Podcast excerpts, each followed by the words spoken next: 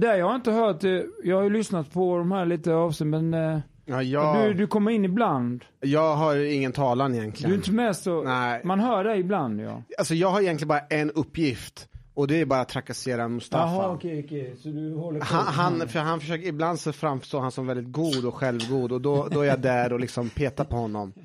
Så, eh, kommer inte... Och sen, för, många av sakerna vi pratar om förstår inte Hanif. Så han måste ställa frå- kontrollfrågor hela Japp, tiden. japp. Eh, och vi Det är din att uppgift är liksom som en slags sidekick som Ja. är lite dummare då. Exakt, Ja, jag, jag, jag, är, jag är den här... Men det är bra det är, Nej men det är, någon måste ju ha den. Nej men det är när man, måste- när man jobbar med sånt här ska man ju ha liksom en dramaturgi som är som, som gör att det blir lite underhållande ju. Ja, exakt. Varför har inte du en podcast? Det skulle ju bli en av Sveriges största podcasts. Jag funderar på det lite grann så här, jag har funderat en hel del på det men det är klart vi vill ju alla, eller ja, i alla fall om man jobbar med artisteri och så, men det är liksom inte blivit, man har inte, jag har inte haft de rätta medarbetarna kring mig. Du vet, jag bor ju ändå i en småstad som Halmstad. Och det, det, det, man måste ha någon som är professionell och som har samma humor. Och som är vass och som, och som kan sköta det tekniska och redigera. Man skulle kunna gå in i en studio som det här och sitta och snacka i eh, en vecka med bästa polarna och det ska bli väldigt roligt. Men sen ska det ju fixas till och så det blir bra. Så det är inte så lätt det där med. Vem, vem i Sverige har, eh, har samma humor som Peter Wahlbeck? Jo, jo, det är ju många. Det har ni. Det stämmer Har vi det? Ni har ju Ja, det säkert stämmer. det. Det är, oh, det är många som har. Jag älskar ju ditt standup. Ja, men inte bara stand-up. Man har ju, du vet. eh, Nej men du har, du har funny bone. Ja, precis. Det kan man säga. Ja, men det har du. Ja, men en del har det, en del har inte det. Jag Och det, måste... det har jag ju sagt hela tiden när det gäller stand-up comedy att eh, det är många som har, som inte har funny bones och så går de upp på scenen Ja. och det kan aldrig, de kan bara komma till en viss gräns och sen kan de inte gå över. Men Ni känner ju Aron Flam rätt Ja, väl. Japp. Han har ju märklig funny bones. Han, han har ju sin, hans karaktär eller hans gubbe som han kör. Den har ju tagit över honom. Ja. lite grann. Ja, men det är sant. Det Han hans funnyboard, dämpar sig. Han låser sig. Det är som, precis som Dileva. Dileva ska du veta en rolig jävel. Men han är helt låst i sin gubbe. Han så här, åh hjärtat och mjukt. och han, kommer, han kommer aldrig ur den gubben. Ja. Ja. En del, en del, en del eh, som kör stand-up, de hamnar i sina gubbar på något vis. Va? Men är inte han så privat, Dileva? Eh, nej, han är inte alls sån privat. Nej, jag Han är fräck, han är eh, snuskig. Nej, den Dileva jag vill ha. han är- Det är den Dileva jag vill ha. Hur, hur känner du dig leva? Ja, men jag känner ju det leva sen eh, way back. Oj, oj, oj, sen, eh, alltså sen eh, 1980-talet, alltså tidigt 80-tal, när jag flyttade till Stockholm. Tidigt 80-tal. Då lärde vi, och sen umgicks vi lite grann. Och eh, sen har det gått i vågor så här, men nu har han ju blivit familjepappa. Och sen har man ju ruttnat lite grann på just att han låser sig i den här rollen. Han kommer inte ur den på något vis va. Och spelar den här eh, masken på något vis va. Jag kommer ihåg en gång eh, när han hela tiden sprang omkring då när han skulle börja med sån Jesuskläder och ha, gå i kaftan hela tiden så sa jag till honom på skoj, "Ja, men bara inte det blir en ful ovana. det blev det ju. Det åt upp honom alltså. Peter, jag måste erkänna, eh, jag har inte lyssnat så mycket på dig. Och så, så jag vet inte så mycket om dig. Däremot har jag hört att det finns något som kallas för eh, valbäckisar. Att det finns en massa historier. Jo, Alltså det, det har liksom blivit så mycket historier till och med att det liksom har fått ett eget namn. ja, det var ju så här yngre komiker som Özz Nujen och de här, när de började. Så vart man ju kanske lite dominant och sådär. var, ju du väl- dominant mot Öz? Ja, men alltså det var ju att jag, jag var ju lite gammal nestor i gamet. Du vet sådär va. Så det är klart att man, eh, och så sa man väl saker och ting så här. Jag ångrar ju det nu när, jag, när man, nu när man börjar bli äldre så, så, så ångrar man ju lite grann att man kanske var lite väl, eh, så här lite ja, bombastisk och, och sa saker och ting. F, f, folk kan inte riktigt ta det här bombastiska. Man, man kanske inte, du vet, bara på vägen upp hit så hörde jag nu det var någon tjej som har skrivit en bok om narcissism Mhm hur farligt det är med narcissister och att den nya tiden är narcissistisk. Att det här med Facebook och allting, vi, vi är alla narcissister, vi vill framhäva oss själva. Och så har de varit ihop med en kille som var narcissist. Öss sa ju det att eh, man kan inte vara kompis med Peter Wahlbeck i långa loppet för att han är narcissist. Och då, då tog lite illa vid mig. Så att jag, men sen har jag tänkt på saken att det är helt sant. Jag, det, det är svårt att vara ihop med, eh, kompis med mig för jag är ju narcissist. Och, och ni också på något vis. Ja men vem är Du- inte du, det? Nej men precis, och vad är det något fel och det? Men Och det är hur, därför, det är därför de hackar på Trump. De hatar ju honom för att han har ju gått ut hela tiden typ att jag är bäst. Kolla vad fin och rolig och cool jag är. Och de hackar ju han, på han direkt. Det, det, det, så det är am- ambivalent det där med att vara narcissist och Hur- inte hur- narcissist. hur- hur men, kom- men tillbaka till frågan där. att- Nej men stanna komedien är att man... För många är det ju jättestort att få bli ståuppkomiker. Och våga ta steget och stå på scen och sånt. Och så kommer någon gammal gubbe då, som jag då, eller någon äldre då, kollega och hackar på det. Och tycker, du är inte rolig, du har inte ens utstrålning. Det är klart att den människan blir väldigt ledsen och sårad då. Och det, det ångrar jag. Jag skulle aldrig göra om det. Och sån, om jag tänker efter, så var jag redan i skolan. För att jag själv fick mycket stryk hemma. Alltså jag var ett väldigt hårt hållet barn. Men med en väldigt sträng fosterpappa. Som tryckte ner mig så in i helvete. Och sen så när jag kom till skolan så exploderade det till klassens clown. Eh, titta på mig, själv, självbekräftelse. Som sen ledde till något kreativt, skådespelare och artist. Att, att många artister kanske har, inte, jag säger inte alla. Om, om vi tittar på Benjamin Ingrosso. Så det är ju inte det att han har fått stryk när han var liten. Han är bra artist ändå. Det, det vet vi inte. Ja, vi vet Det kan vara så. Vi vet inte, men det, det är olika. Alla har olika ingångar. Just stand-up-komiker, många som var duktiga journalister som höll på med ståuppkomik i början. De kom in i stand-up-comedyn genom att de var roliga, fräcka skribenter som sen utvecklade det på scenen. Va? Men det här med Funny Bones, det, det är ju lite speciellt det där. Eh, ni har sett den amerikanska filmen, Funny Bones? nej, det har jag Jo, missat. det finns en amerikansk eh, film som heter Funny Bones. Ja. Som, där man intervjuar ståuppkomiker. Om just det som vi sitter och pratar om. Vad intressant. Väldigt intressant. Det är kända amerikanska ståuppkomiker då som berättar om sin karriär och eh, hur de ser på det här med eh, varför de just har Funny Bones och vilka som inte har det. Tror du att det där är medfött? Ja, medfött eh, till viss gräns är det det. Ta han Thomas Pettersson, vi känner till han som bor i Halmstad också som är en Ja. ståuppkomiker. Jag Han, vet vem det är. han har verkligen Funny Bones. Han är ju den här bonna Funny Bones. Är det han som körde ett set i typ Storbritannien och snackade om Sverige och Greta och svensk kultur? Nej, det tror jag inte han. Ah. Nej. Det tror jag inte han. Nej men han är en sån här farsgubbe och eh, väldigt rolig. Och var verkligen klassens clown. Eh, och kom ju från en helt annan skola, helt tradition. Han, var, han, var han utbildade sig till traktorreparatör. Och blev, eh, du vet, eh, bonnakomiker, alltså sådär va. Han har också Funny Bones på något vis. Eh, Ja, det, det, det kan vi sitta och prata lä- länge om sådär. Du Peter, jag var lite nyfiken. Du har, eh, du har fosterföräldrar, det har jag också. Jag har också bott hos en fosterfamilj, så vi har äntligen någonting gemensamt. Ja, Hur kommer det sig att du har hur bott hos... kunde du ha fosterföräldrar? Du, du, du, du kom till Sverige. Ja, som en ensamkommande. Och sen så kom jag till en fosterfamilj och sen så småningom till en ytterligare en fosterfamilj. Första familjen fick jag också stryk av, så jag har den erfarenheten. Fick du stryk av fosterfamiljen? Ja, Är ja. det sant? Ja.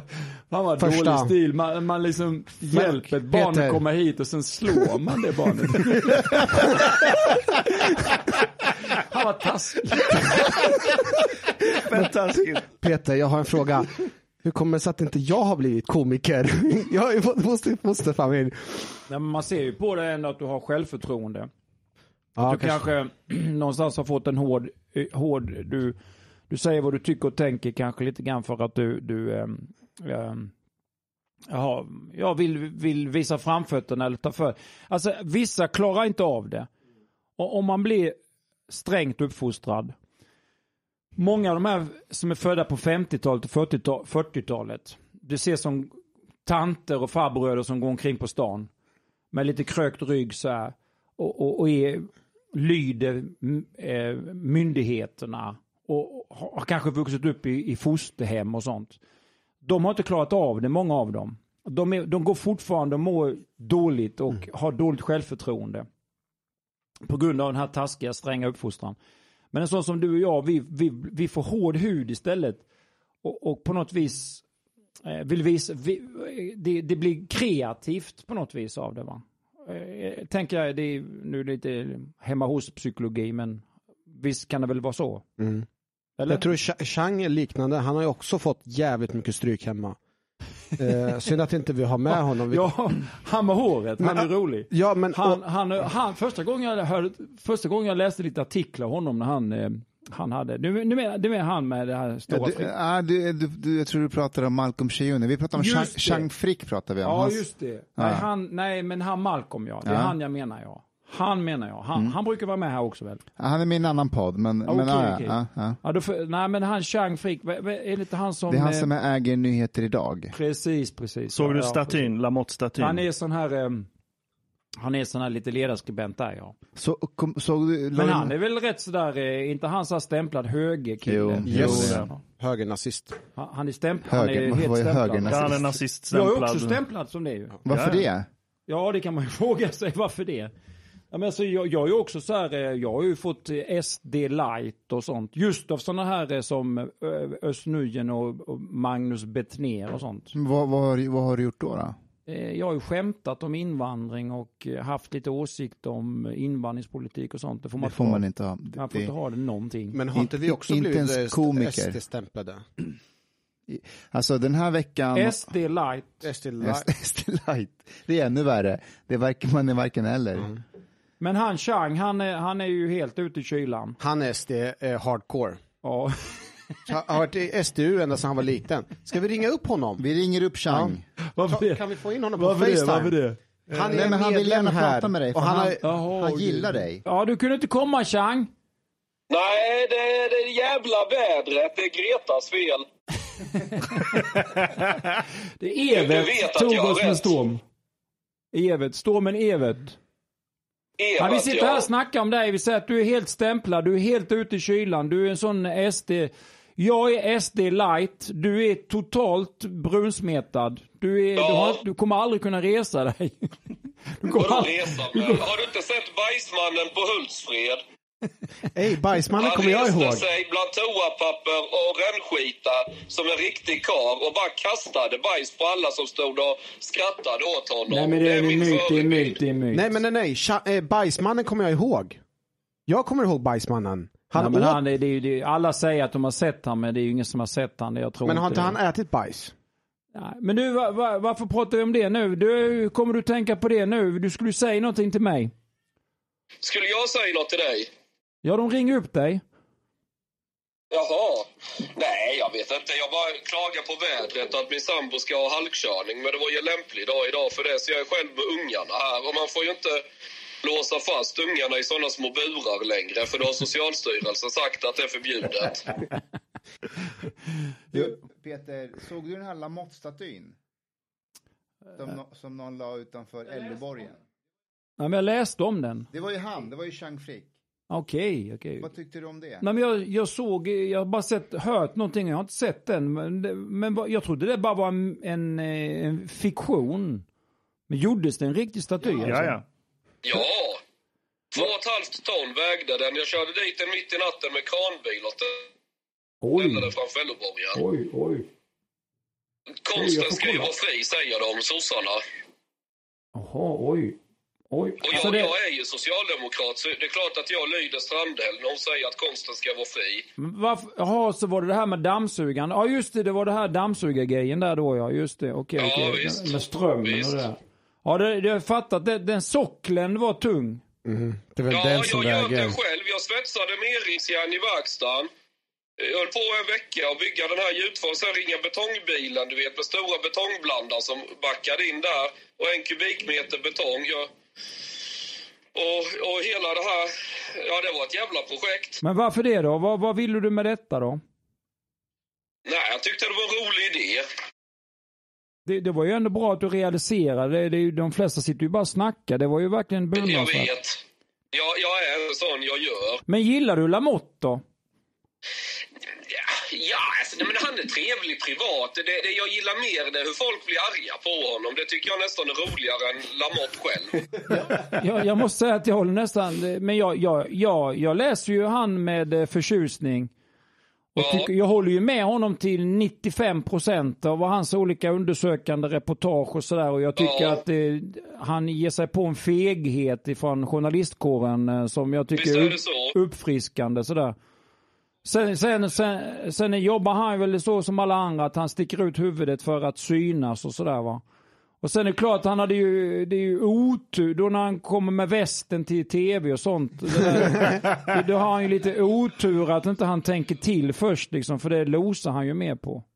Nej, han tänk, alltså du förstår inte Lamotte, han är ett geni. Den hade han med full avsikt. Han vet precis hur folk skulle reagera. Han tycker det är roligt när alla spyr galla över honom. Så du menar på att han har funny bones, Lamotte? Ja, det har han. Jag, så väl känner jag. Ja men då, då, då är vi tillbaka till det som vi pratade om innan här. att Man hamnar i olika roller som, som, inte, som gör att de här funny bones inte kommer ut. Där är Lamotte ju. Han har ju... Men, Sant, men jag ja. tänker mycket på de här, det är jobbiga, de här hoten. Hans familj tänker jag rätt mycket på. Ja. Som, som lever med honom som, och som eh, på något vis... ehm, Men så, så där är det för många. Det är många på vänsterkanten med som råkat ut för hot och sådana här rasifierade tjejer som håller på och eh, du vet, alla blir ju... Det, när det ska, folk har ju svårt att ta det här med höga tonlägen, att ha en distans till det. Utan det blir så jävla allvarligt och så blir de själva kränkta och då måste de ge sig på någon annan. Jo, jag vet, jag vet, jag vet. Vi, vi sitter och pratar lite om det. Det, det är ju väldigt intressant. Det, där, det, det ehm, kan man prata hur länge som helst om. Chang, vi, vi, vi, vi får pratas vid sen. Ja, okej. Annars så får han hoppa in i en bil och komma hit. Ja, hej hej. Ja, vi hörs. Hej, hej. Det är ju sån här, eh, jag vet att någon gång, det var att du då att eh, de hävdade att jag bet Persbrandt i örat. Och det tog aldrig slut den där skrönan, du vet va? Jag har hört om den, men, men den är inte sann eller? Nej, det, det är sånt som, eh, det får egna liv och som bara fortsätter det, du vet va? Ja, är det, där förstår. som, det är inte det som är valbäckisar? Nej, jo det kan det vara. Det kan det vara. Det kan det vara, ja. Så vissa av de här valbäckisarna är helt enkelt inte sanna. Det är mycket sån här, eh, det, det är lite barnsligt på något vis. Det är, sånt, det är sånt här som gör att man inte vill vara med i poddar. Okej. För att det är ju sånt där eh, som man har hört och, och liksom ska försvara och kommentera. Sån här kärring. eh. Äh, vi skiter i det där. Vi skiter i Ja det men det är sån här sladder. Mm. Sladd det är ju egentligen, det vi pratar om nu det är ju, det är ju där någonstans vi har hamnat eh, i hela samhällsdebatten på något vis. Eh, det är att vi, vi lever i ett, i ett sladdekärringsamhälle där de här sociala medierna alla ska kommentera och tycka och tänka och minsta lilla fel du säger så blir det en, eh, då en snackis. Och eh, det blir en snackis på en snackis. Och sen så blir det tredjehandsinformation och fjärdehandsinformation om olika människor som gör att du naglas fast i olika, eh, som då brunsmetad eller SD light eller SD hårdcar och alltså hård, alltså, och Lamotte också på något vis. Kommentarerna kring honom är ju, är ju häpnadsväckande mot vad han egentligen då vill, vill egentligen kanske säga med ett reportage eller med en utflykt eller någonting intressant.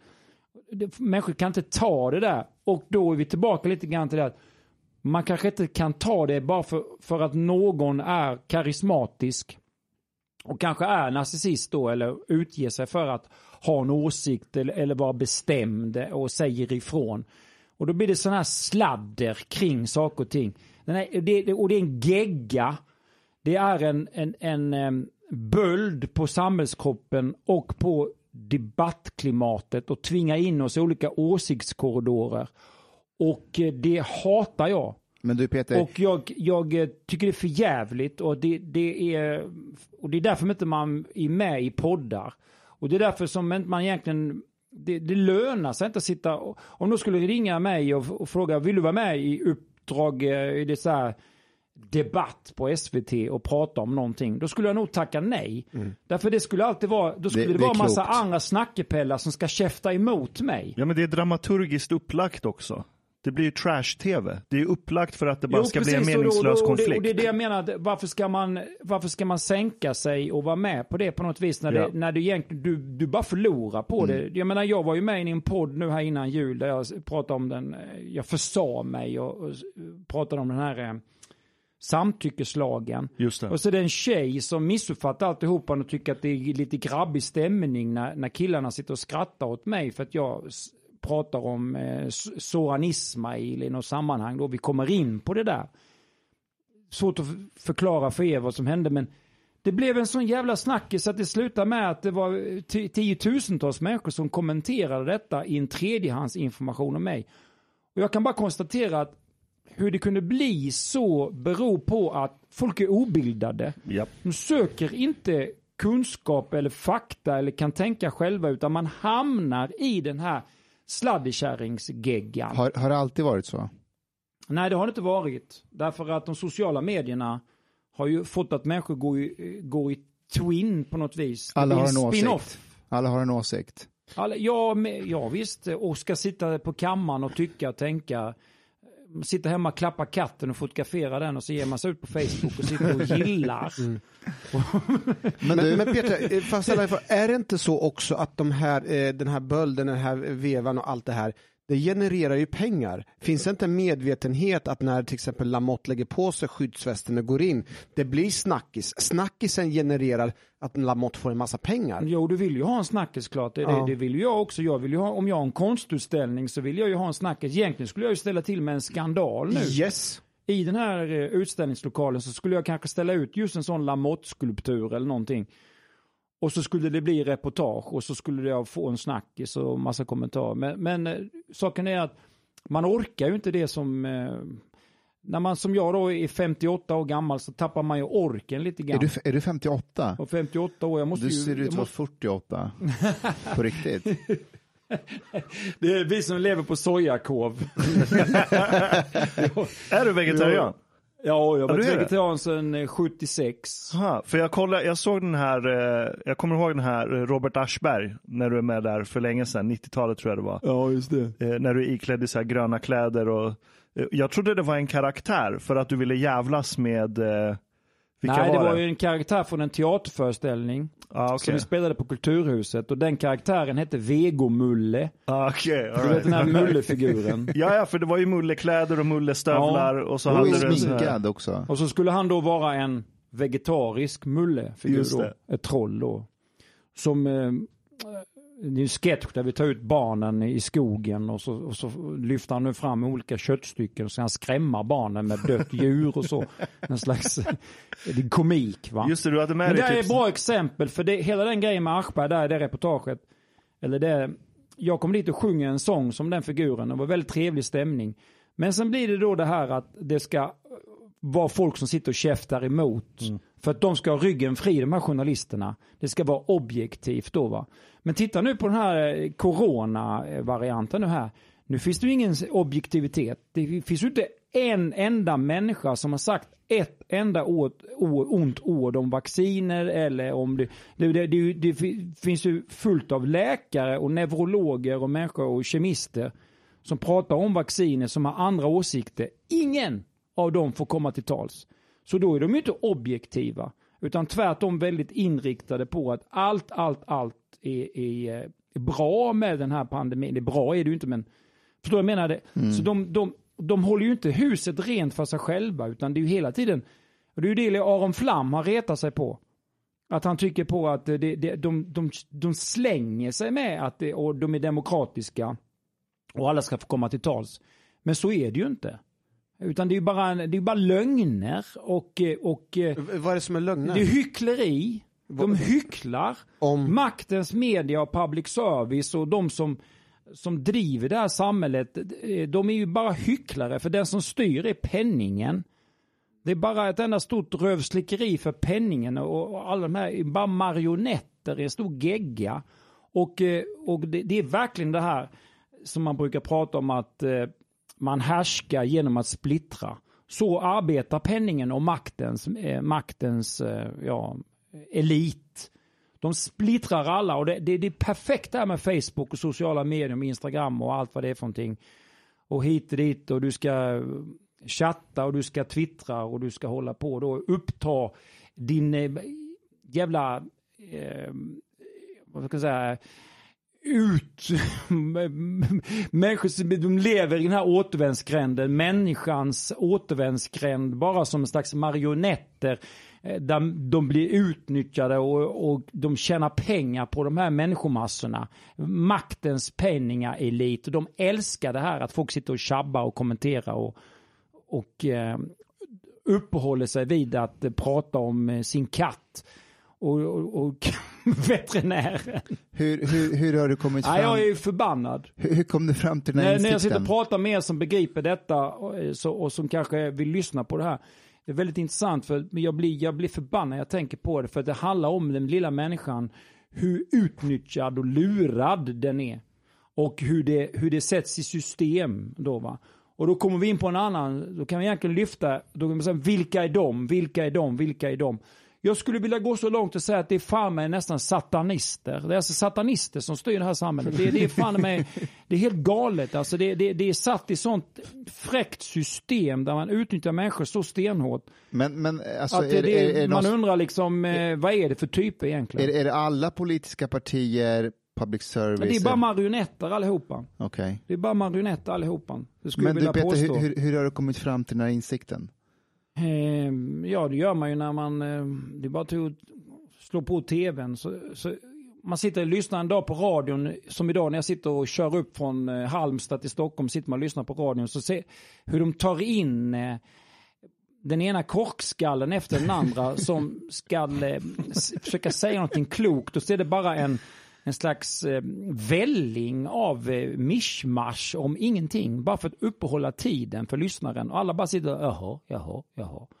Nej, det är Det fruktansvärt. var så på Sverige möts igår eller i förrgår när det var, när det var diskussion om mångkultur. Just det. De flesta babblade i en timme utan att säga någonting. Sverige möts i det här debattprogrammet på SVT. Ja, jag såg det. Jag såg lite grann också. Det är rätt lustigt. Jag brukar inte titta så ofta på tv. När sitter man och zappar. Kom jag faktiskt in och, och såg den här grejen då va. Vad tyckte du? Nej men det, det var precis det jag tänkte att jag, att, att jag skulle aldrig ställa upp i ett sånt program. Därför att man, eh, man får ingenting sagt. Du blir bara någonstans eh, utnyttjad. Ja, men det var så dramaturgiskt upplagd. Du har Gudrun Schyman som är ena extremen och så har de hämtat han eh, Loai Ahmed som är eh, gay och flykting från Jemen. Som är så här ultrahöger emot allting som har med invandring och mångkultur och allting att göra. Det är så här, när du har det upplägget, det är redan satt från början. Det här kommer bli en cirkus. Mm. Mm. Och det är det de vill ha, de vill ha en cirkus. Ja.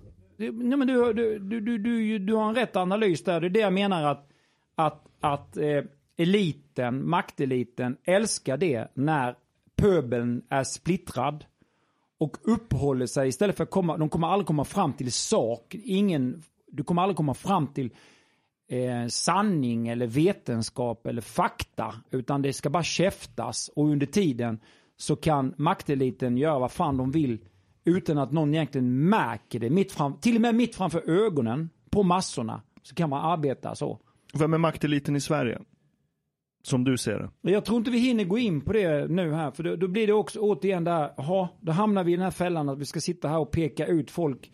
Jag tror att man måste lyfta frågan ännu högre och ännu mer för att komma eh, till någonstans. Och då kommer jag in på någon form av filosofisk fråga eh, om vad är sannolikt och inte sannolikt. Är det sannolikt att människor utnyttjas eller inte? Du kan ju ta den här, vi kan ta ett exempel som den här 5G-systemet som ska rullas ut nu då. Att eh, det ska vara sån här trådlösa kommunikationer med den här EMF-tekniken i lyktstolpar och självkörande bilar och eh, ja, name it, name it. Kylskåpen ska kommunicera med varandra. Den elsmoggen som det kommer att skapa, kommer det påverka människokroppen eller inte? Vi som elektriska biologiska varelser, kommer det påverka oss, våra ungdomar som sitter med de här paddorna, fem fyraåringar som sitter och leker med sina mobiltelefoner i tunnelbanan kring sina könsorgan. Vad är sannolikt? Kommer det påverka de här individerna eh, fysiskt till sjukdomar framöver eller inte? Vad är sannolikt? Och, och vilka är det då som tjänar på det? Är det maktelit eller inte? Det blir filosofiska frågor när vi kommer in på det här.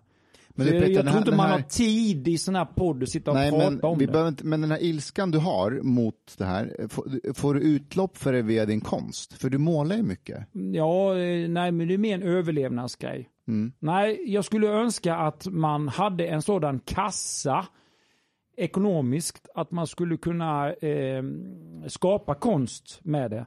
Men då måste det, för att, för att man ska kunna göra det, för att det ska kunna bli folkbildande, en konstutställning, då behöver du lite ekonomiska medel för att eh, eh, framställa det skickligt och eh, ja, du vet litterärt så att det verkligen blir vasst Ja. på något vis. Det, och det kräver lite kassa. Man skulle kunna ha en sån konstutställning till exempel på, på Kulturhuset eller någonting sånt där. Så skulle man kunna göra det i en form av genre. Att det var färgrikt eller att det var svartvitt eller att det var olika rum som betraktaren gick runt och tittade på. Sådär, va? Vad, vad, Publiken. vad, är det för konst du gör? Det är mer så här glada, färgglada gubbar. Det är ju mer en slags egen, egenskapad kitsch som är mer en utfyllnad på väggen som en färgglad gubbe eller någonting sånt där. Det, det egentligen har ingen, inget politiskt sådär. Nej, det har det inte. Men Jag du, gjorde faktiskt en utställning i Halmstad på Halmstad konsthall eh, 2015. Eh, en hel månad. Och den var sån här, den hade ett folkbildningsideal. Den hade den. Jag, gjorde, jag hade en drönare, jag, jag lät Sennans snickeri. Vilka är det? Sennans, Sennans snickeri, det är sånt gott, eh, härligt sånt där lokalt bonna Ja, ja. som ligger i Sennan. Så här, med en familj som driver ett snickeri. De fick göra en sån drönare utifrån en ritning. Ehm, så alltså en drönare. Ja. Som, eh, den var eh, fyra meter bred och sju meter lång. Så stod på golvet i den här utställningshallen, konsthallen då. Och så klättrade då ungarna, skolbarn och, och dagisungar, sånt de klättrade på den här drönaren med sån propeller. Så liknande alltså en riktig drönare, du vet. Drone, en sån som, och, och då var det det. Alltså kan var man det en tycka- funktionell drönare? Ja, det, nej, det fun- den var ju inte funktionell, den Okej. var ju som en skulptur. Ja, ja, okej. Ja. Men grejen var ju den att de klättrade på den. Och då kan man säga så här, det var, lite, det var ju lite töntigt sådär. Men, men det är så långt jag kunde nå med den budget jag hade då. Att, att det ändå skulle skapa den eh, bilden av att den västerländska ungen klättrar på den här drone som var som en leksak för dem. Men i verkligheten så lyfter de ju på nätterna och flyger in, in från Pakistan och, och ifrån hela Mellanöstern in och bara puff, bombar folk i, i bergen eh, med sådana här värmekameror och sånt. Ja.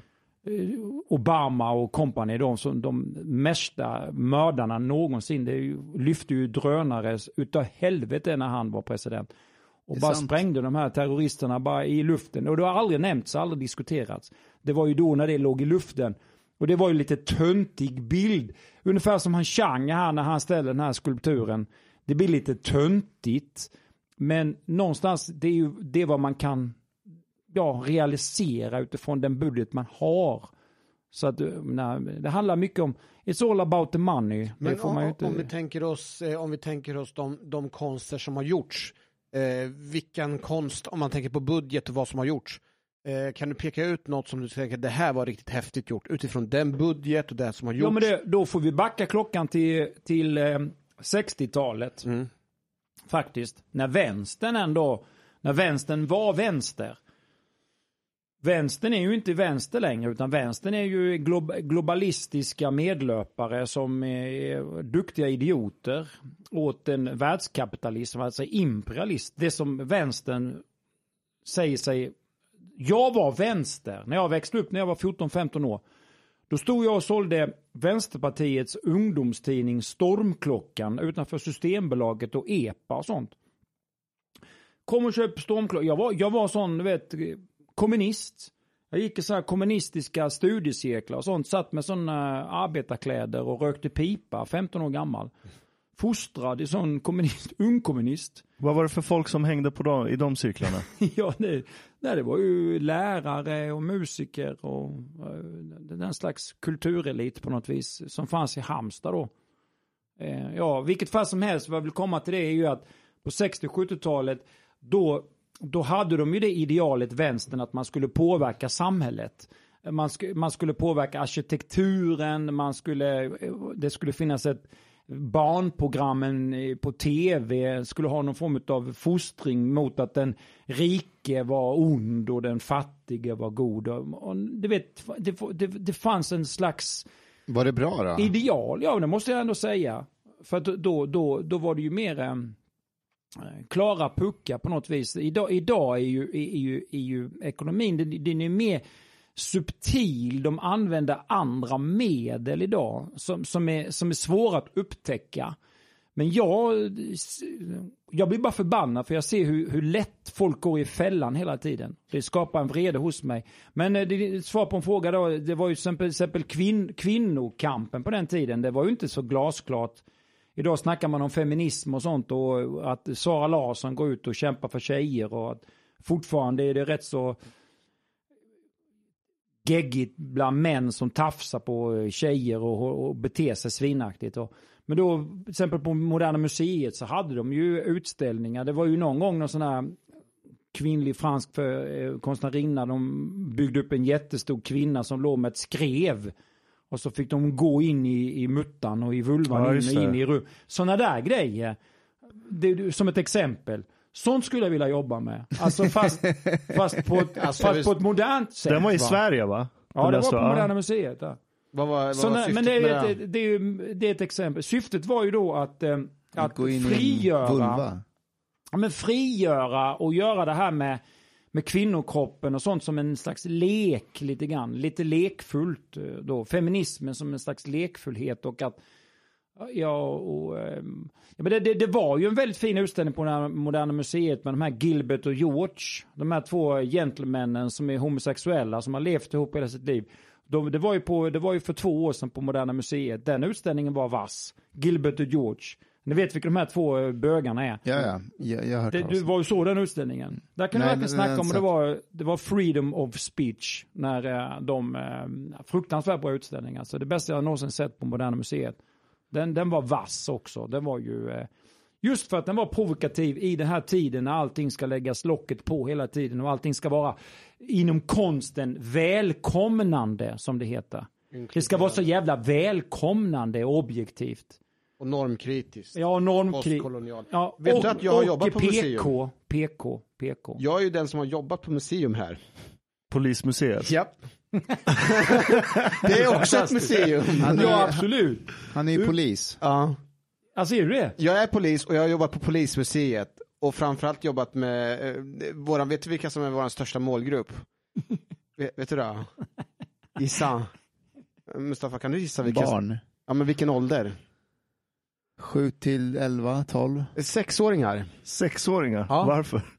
Ja, men det, det, fakt- det här tycker jag faktiskt är jättebra. För att det, Ja, för här, jag känner inte igen det, för jag såg någon bild av någon polis på er Facebook-sida. Så det är du alltså. det, det, Ja, kan nog ha varit jag. Men du, men du det, den, det polismuseet, det, är väl i polishuset borta vid, där vid Kronoberg va? Nej, det är den gamla, det där var den gamla hemliga polismuseet.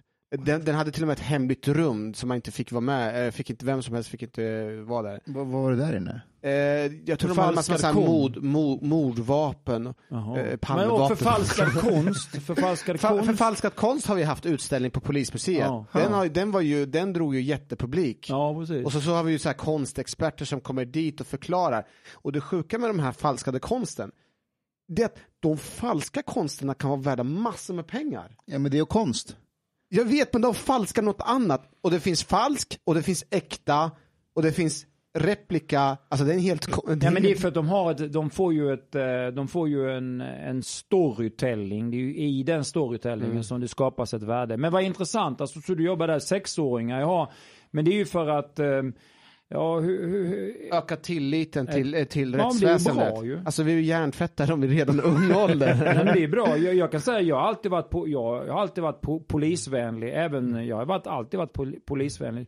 Och vilket jävla samhälle vi skulle ha utan polis. Det skulle ju vara totalt kaos. Det är ju Anarki. Alltså. Va? Anarki. Ja, det är ju, hade ju varit helt eh, olidligt. Men Men, men, men, däremot så, så vet väl det, det på- pågår väl en, en debatt in, inom poliskåren att det här med att eh, våldskapitalet, det som man pratar att polisen ska ha våldskapitalet, så är det ju inte, det är ju inte självklart längre. Ja, det är kommer folk som vill avfinansiera polisen idag. Det är folk som vill lägga ner polisen för de menar att det är polisen som gör att människor blir våldsamma.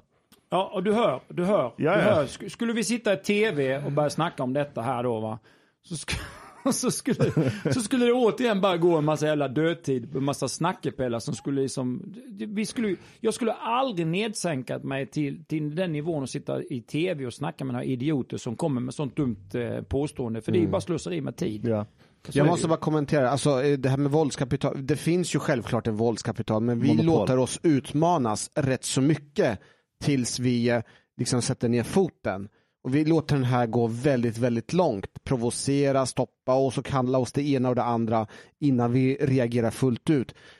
Gränsen för vad, att man ska säga stopp borde finnas långt, långt, långt mycket tidigare än vad vi har tillåtit att göra på grund av att vi är så goda och vi var välkomnande och vi vill liksom alla väl och vi tänker oss Jag vill inte ha ett våldsmonopol som är så. Jag vill ha ett våldsmonopol som är så här, shit, de här vill inte jag gidra med.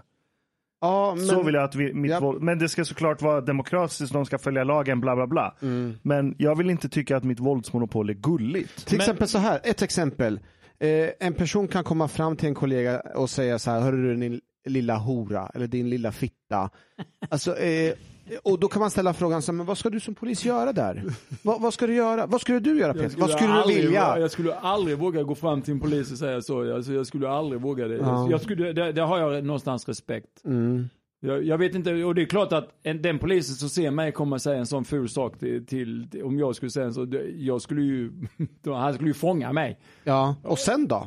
Nej men okej, jag skulle väl kanske få en sån här LBO då eller någonting sådär för att jag säger, gör någon dum grej mot en tjänsteman eller vad Ja, det kallas. Men, men jag kan tänka mig att det finns poliser som, som eh, det är inte värt att ge sig på ett gäng. Nej. Om det kommer tre killar i såna här hoodies och står och skriker, och, och skriker åt eh, två poliser som kommer gående. Så, så, som, eh, ja vi vet var du bor, din eh, bla bla bla. Du vet va, då tänker man, nah, hmm, nej, Respekt. det, nej, jag, jag tar inte den fighten med de här. Eh, Det, det, det kostar på för mycket. Mm. Men där, där låter Men vi... du, apropå en snabb fråga till dig nu. Jag såg några tyska poliser som gick och fångade in folk som, som inte gick omkring med munmask och sånt där i, eh, i Tyskland och sånt. Mm. Där är det, ju, det är lite så hardcore snutar ju. Alltså det har spårat ur och jag ska säga att det har spårat ut här i Sverige och också för att nu, jag jobbar ju i ett särskilt utsatt område. Vi har ju massor med o, eh, oupplösta mord. Eh, mer än 20 stycken eller någonting, jag vet inte. Men många mord. Eh, och vi har ju ett väldigt stort ambition att förhindra nyrekrytering. Framförallt att eh, förhindra att unga hamnar i kriminella gäng. Men vet du vad jag ska göra egentligen på lördag? Jag ska åka till Kapellskär och göra eh, kontroll av de som kommer med färjan för att se ifall de har eh, eh covid-tester och så. Fy fan. Alltså, det, alltså polisen får ju dras till allting. Jo, jo precis. Så, jo. så det är det här som det spårar ur. Är det, någon, är det någon polis som är på väg dit som tycker så här, men det här måste vi göra, det här är viktigt. Det här, det här är nyttigt för samhället. Att Nej, det, kolla är det, är, det covid-tester. där är någonting som man får göra för det är bara det är det Jo, som jag vet, jag ja, vet, Nej, men men, det- det, fin- det kan inte jag tro. Det kan jag Nej. inte tänka mig. Nej, det, det finns det nog inte. Men det Vi är har så, nog viktigare uppdrag att göra. Ja, men det var ju den här demonstrationen mot, eh, mot eh, det var ju en demonstration på Medborgarplatsen. Det Ja, var ju poliser, det. det. var ju, Han har ordnat en ny demonstration. Jag, jag, jag, jag, jag har ordnat en motdemonstration mot den demonstrationen. att man ska, Jag har ordnat en demonstration för mer coronarestriktioner. bara för, bara för att testa eh, Ja, var ja. gränsen går eller? Precis, det ska bli tusentals som vill ha fler restriktioner. Du säger att jag har dålig humor. Jag tycker det där är skitdålig Det där är- humor. det där är är skitkul humor. Nej, jag tycker det är Men skittråkig är humor. Nej, men du- han är konstnär, se vad han Nej säger men nu. alltså allvarligt talat, det där, där är ju lite grann, det där är ju ett koncept, det är ett konceptkonstgrepp. exakt. Det är koncept, Vad fan betyder det? konst, konstkonceptuellt koncept i det där. Och Det är väldigt bra. Vad betyder det? Nej det är ju, eh, det är lite grann det som Lars, Lars Vilks skulle det. gilla det där. Han skulle gilla den här grejen. Det är Mustafa För det handlar Panshiri och Lars Vilks. Lars Vilks eh, skulle handla, gillar inte du Lars Vilks? Ja, jag pratar alltid om honom. Ja, Lars Vilks är ju en eh, hjälte på många vis. Det är han. Han, Verkligen, han är ja. ju... Han, han hade gillat den grejen att om, om det blev verklighet, för att just om man gör det konstaktigt då, på något, en twist av någon form av konst, därför att det, det, det testar ju gränserna. Och, och, och man skulle då Men det, det jag menar, hade du haft en kassa, hade du haft Mm. lite kapital och du hade gått in i tunnelbanan och, och eh, eh, börjat affischera ordentligt. Du, Ja. du hade haft liksom en halv mille och sa- satsa på det. Att, att ehm, slut upp, eh, k- krossa coronan Ja. för en gång. Precis. Jag, Sverige har alldeles för slappa och, jag, jag, jag har uppmanat alla som ska komma dit att ha med sig en skylt där det står stoppa folksamlingarna nu. Ja, precis. Det är jättebra. Alltså, det var ju fan. Det är ju bra konst. Nej, det är inte ens roligt! Det är jätteroligt. Ja, men min bajshumor är roligare än det här. Jag la, ut, jag la ut din demonstration på Twitter. Ja, jag Och- loggar ut så fort jag hör någonting om Och det den, där på den, den spred sig ganska rejält. Ja, och, och så kommer det folk och kommenterar så här. Ja, jag vill också ha fler restriktioner fast eh, blir det inte, smittar inte jag folk om jag kommer till demonstrationen? Det var folk som på, vill komma dit men, bra, men de har börjat fatta att så här, Ja, men men, det, gäng, gäng, hade du varit ett konstnärskollektiv, um, jag vill säga att vi hade varit ett konstnärskollektiv kanske med två eh, till, så hade vi kunnat sitta och spåna fram sådana här grejer som handlar just om att, att få massan, eh, alltså eh, medborgaren, att tänka till. Precis så. På något Älskar vis. sånt. Att, Älskar att, sånt. att tänka till att, ja, att, att bli provocerad i sin vardag fast med en intelligent bakgrunds undertext på något vis. va? Men det är ju inte det som är Mustafas det är därför syfte. du- Jo, Nej, det är det. är inte det som det är inte det som är Det, syfte. det är därför du inte fattar. Ja, Men vet du vad det är? För att han är narcissist. Nej, jag tycker det är var bara roligt. Jag tycker det är roligt. Nej men jo, jo, jo men... Men, eh, Men är det inte men i det alla fall Lars med? konstnärskap handlar ju om det. Att eh, Lars Vilks konstnärskap handlar ju om det, har ju handlat om det och många konstnärer har, har ju arbetat med, dem, med, med det här att, eh, att, is, att samhället, att, att inte driva med myndigheter men testa myndigheter och te, testa hur lagen funkar i förhållande till olika saker och ting. Det är väldigt intressant. Som det här med eh, eh, eh, la- den här rondellhundsgrejen. Det vet ju inte folk om för de har ingen bildning. De bara tror att han är någon slags antisemit, Lars Vilks. Men hela den rondellhundsgrejen, det handlade ju om att han tyckte det var väldigt intressant att hantverkare och allmänhet på skolor och på arbetsplatser gjorde en hund. Någon form av rondellhund och satte i rondeller. Kommer ni ihåg det? Var ju en trend för en eh, sju, tio år sedan. Hantverkare eh, svetsade ihop eh, någon rolig grej på kafferasten och militärer i någon bondhåla gjorde någon rondellhund och satte i, i den lokala trafikrondellerna. Va? ja. Och då, och då skrev ju bara, och, och det tyckte Lars, Lars Vilks att det där var roligt för det var en folkrörelse som kom utan att det var ett påbud från någon kulturintellektuell eller från något tv-program eller något sånt. Det var det som var det roliga, tyckte han att nu kom det någonting underifrån. Och då sa han, men vad hade hänt om man då hade gjort en, en Muhammed-figur?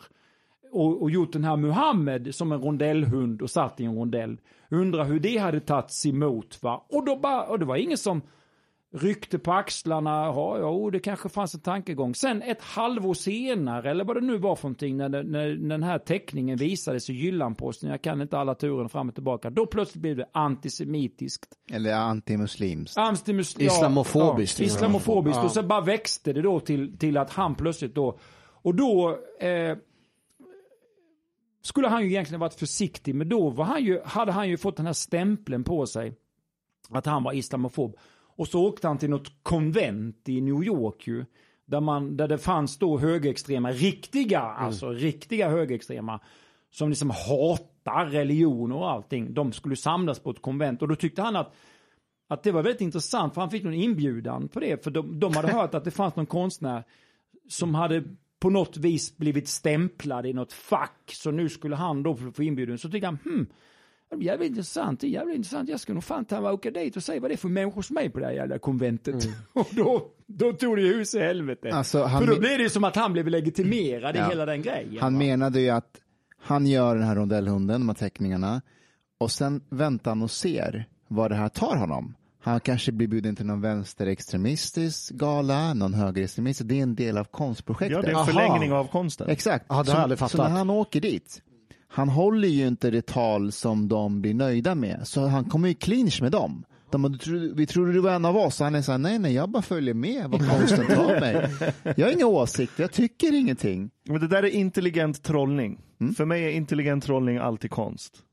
Antingen det eller ditt event, demonstrationsevent, chans, staty. Och det, kopplat till det du nämnde innan eh, Peter, liksom den gamla vänstern. För mig så handlade det alltid om att, eller jag har alltid associerat det med att du klär av makten och visar hur makten är strukturerad och hur den Precis. funkar. Och det är därför jag är fortfarande så stort fan av Marx. Men det intressanta nu, det, och, och det är det, de som klarar av makten, det är oftast de som tål och älskar och använder satir som metod. För den är extremt effektiv om man vet hur man gör det. Idag har ju det där flippat helt och hållet. Vänstern klarar inte av humor. Den är jätteängslig skit. Nu, nu är det högern som dominerar kulturkriget. Satir, memes, Chang-statyn, allt det här kommer från högerhåll. Så jag håller med dig helt i att vänstern har bara blivit en del av makten.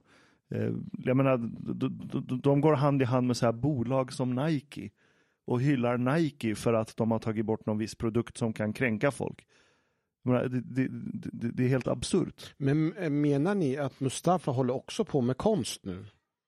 Ja, ja jag, jag går... Jag går jag, jag, menar du Chang Frick, Absolut. Lars Vilks, Nej, men nu, nu, Mustafa Panshiri? Va- varför stör du dig så mycket på det? Ja men lyssna, lyssna. Låt Mustafa vara håller på. konstnär. Försöker, försöker.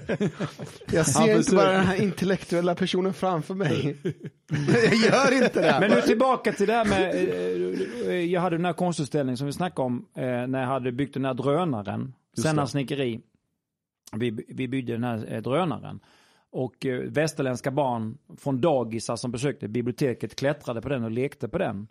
Eh, Och alltså du ser bilden framför dig va? Ja. Det var ju lite töntigt men det menar ungefär, men du förstår ändå min tankegång på något vis att det var väldigt, väldigt få där som var på den här utställningen som begrep det, den grejen. De kunde aldrig härleda det till vad den här konstnären nu, om de inte visste vem jag var så kommer de in och ser, om du kommer in från ingenstans och vet inte någonting om den här killen.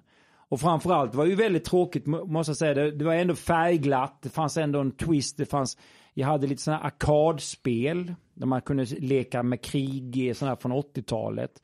Jag hade lite montrar där det stod olika eh, artefekter artefakter och, och hade lite, det var en folkbildande, det handlade om sockret.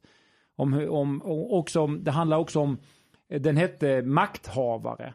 Och jag vill, jag vill påpeka på det att man äger en makt över sig själv att ta ställning just genom att bilda sig och, och um, välja en egen väg, att gå en egen väg i livet.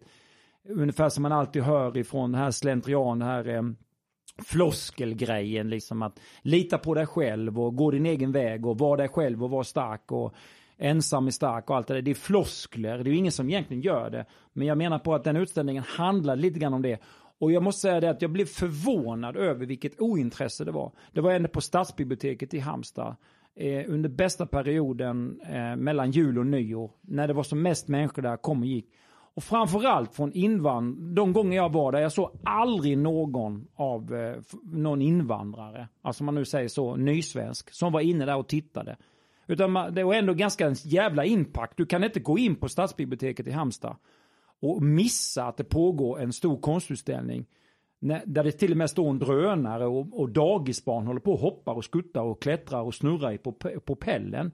Men det var ingen, ingen i media, ingen eh, annan, eh, ingen recension, ingen som var intresserad Varför? att analysera och ställa frågor till mig om det här, vad jag ville, vart var jag på väg eller, för det måste ändå ha framgått att den här konstnären ville någonting mer än att bara ställa, ställa ut sina jävla tavlor. Men, men tror du att det beror på ointresse eller, eller att de inte är, är kunniga nog att förstå vad du gör? Eller? Jag kan inte svara på det, men eh, jag tror både och det du säger. Och sen också naturligtvis att man, man, eh, man har inte bildningen helt enkelt. Man kan inte, man kan inte eh, för jag, jag måste säga att den, den, slags konstnärliga intresse som jag har skapat mig själv, det har jag ju, jag är ju autodidakt på något vis. Jag Vad har innebär varit, det? Jag har ju varit alltså självlärd. Jag har ju läst, jag, därför jag har varit nyfiken. Jag har läst böcker, jag har suttit på biblioteket och bläddrat i bilderböcker, jag har eh, läst tidningar, tittat på tv-program, läst böcker, och ja, som jag sa. Och nu också är jag ute väldigt mycket på olika Facebook-sidor och jag har, jag har mycket olika slags Facebook-vänner. Både från höger och mitten och vänster. Som alla hela tiden påstår saker och ting och lägger ut den ena konspira konspirationsteorin efter den andra. Och sen är det andra som tycker då att konspirationsteoretiker är galna. Och jag du, tycker det är väldigt Peter, intressant du- för jag är du- nyfiken på olika, eh, alltså den korta tiden man är här på, på planeten så, och just den här intressanta tiden i, som vi lever i så är det väldigt intressant att undersöka saker och ting. Det är väldigt intressant att läsa till exempel han eh, Joakim Lamotts inlägg och hans kommentarer och eh, undersökande journalistik. Och sen väldigt intressant att höra då hur, eh, hur han eh, hur de spyr galla på honom och, och, och det han eh, presenterar då. Va? Men du Peter, du, du, du- är från Halmstad va? Ja, jag är från Halmstad. Ja. Och har du alltid bott där eller har du varit i Stockholm? och- Nej, men jag bodde ju några år under, på, under 90-talet i Stockholm. Okej, och Ja, så flyttade du tillbaka till Halmstad? Ja, jag, jag träffade ju en kvinna som kom från Halmstad så, och sen så bodde vi här några år. Sen när hon blev gravid så bestämde vi oss för att vi vill inte låta vårt barn växa upp i Stockholm. Mm. Och så flyttade vi till en småstad. Man brukar ju säga att man inte blir en profet i sin egen hemstad. Hur, hur är ja, Peter det Wahlbeck? stämmer verkligen in på mig. Det kan jag tala om för dig. Alltså. Varför? Nej, men det är ju för att eh, det är ju lite jantelag i en sån stad. Va? Halmstad, jag kallar Halmstad för jantemecka. Det är jantemecka, det är sånt där kan du verkligen snacka det om. Ja, det är verkligen jantemecka. Det skulle man skulle ha stora, stora skyltar ut med E6an. Välkommen till jantemecka. Här ska du fan inte tro att du är någonting. Fy fan. Jag tänker så här, om, om du tillbaka, tittar tillbaka till din karriär, du är nog snart 60 år nu. Eh, Vilken del är du mest stolt över? Nej, men på mi- mitten på, mitten på 90-talet så fanns det någonting som hette ZTV. Just det. Och, och de här åren på ZTV då 94, 95, 96, 97, 98, alltså hela halva 90-talet där, då gjorde vi, tycker jag, en form av humor som var i gränslandet mellan konst och humor på något vis. Jag var väldigt, jag var väldigt så här, eh, präglad och påverkad av David Lynch till exempel och hans filmskapande och, eh, Twin Peaks, eh, den här det här tröga berättandet med väldigt starka karaktärer som var absurda på något vis. Och även serieteckning. Jag, jag läste mycket serier när jag växte upp. Vilka läste du? Alltså, alla möjliga slags humorserier. Allt från du vet svenska Mad till eh, Tintin och några klassiker. Och, och sen också amerikanskt underground. Eh, eh, serietecknande är ganska intressant för att eh, den kan ju verkligen i- iscensätta en slags paradoxal fantasi rakt ner i en liten teckning, eller hur? Alltså det som det är svårt att om du sitter och berättar för honom att ja, nu har jag varit och sett den filmen och jag läste den, den boken så får du en bild av när han berättar någonting, något, något skeende. En seriebild, en serieruta kan ju verkligen på något vis illustrera direkt en knäpp fantasi eller just satir också. Eller hur va? Ja, verkligen. Och där kan du snacka om eh, höger och vänster. Där, där äger ju nästan högern satiren nu. Ja. Det, på något vis kan man ju nästan påstå. Ta, ta det där exemplet, eh, den här roliga bilden som jag tror till och med det blir nedplockad. Det var ju där, eh, eh, eh, jag vet inte, ja, jag vet inte om jag vågar säga det. Kör. Jo, kör. Den här roliga bilden när det är, det är två sådana goa araber som eh, eh, träffas ju på en sån torg. Har ni sett den bilden? Nej. Så är det en sån god arabgubbe som kommer fram, så är det en annan arabgubbe ju. Så, så säger den ena arabgubben till den andra, de går ju sådana här klassiska med skägg och sådär. Och så säger den ena arabgubben, eh, för han har en barnvagn där det sitter en, en unge i barnvagnen då va. Så säger den ena arabgubben till den andra, så säger han så här, har ni inte sett den bilden? Nej. Jag tror, Den jag tror, fräck. Den- den är- gumma. Det är Nej, två, så säger han så här, då är det, är det här din, eh, är det här din, eh, är det här ditt barnbarn? Och då säger den andra, nej det är min, det är min, det är min, det är min fru. Har du sett den? Den är jävligt hård alltså. Vänta, vänta. Tror du att det är Charlie Hebdo som har gjort den? Oh shit. Men du, Peter, är det, är det mer högt i tak i våra grannländer jämfört med Sverige? Finland, Norge och speciellt Danmark? Dam, Danmark har högt i tak. Varför? Danmark har högt i tak. Men Nor Norge kan jag inte veta, men, men jag vet ju att den, eh, danskar eh, generellt har ju det och jag har ju sett en del eh, jag har ju sett en del komikerserier faktiskt i och med att jag får in dansk tv i, hemma i Halmstad. Så har jag en sån så jag kan titta lite grann på dansk tv och då ser man en del olika danska komikergäng som gör tv. En svensk stanna comedy har ju verkligen hamnat i någon form av låsning av att vara politiskt korrekt alltså och vara god. Man är den här, eh, eh, ja man ska säga, vad är det det heter? Godhetssignalerar. Ja, det är godhetsknarkande människor som... eh, Och det är väl kanske bra, jag vet inte. Svensk stand comedy är ju ofarlig och eh, väldigt... Men varför har Danmark mer högt i tak än oss? Vad, va, vad beror det på? Danska generellt är ju ett annat folk alltså än svenskan. Sven- Svenskan är ju lite så här produktig alltså, har ju alltid varit. Danska är ju lite mer kontinentala och galna och crazy. Vi svenskar är ju, vi är ju lite så här produktig. Vi är ju lite sådär där eh, stelbenta och artiga och lite försiktiga och ängsliga.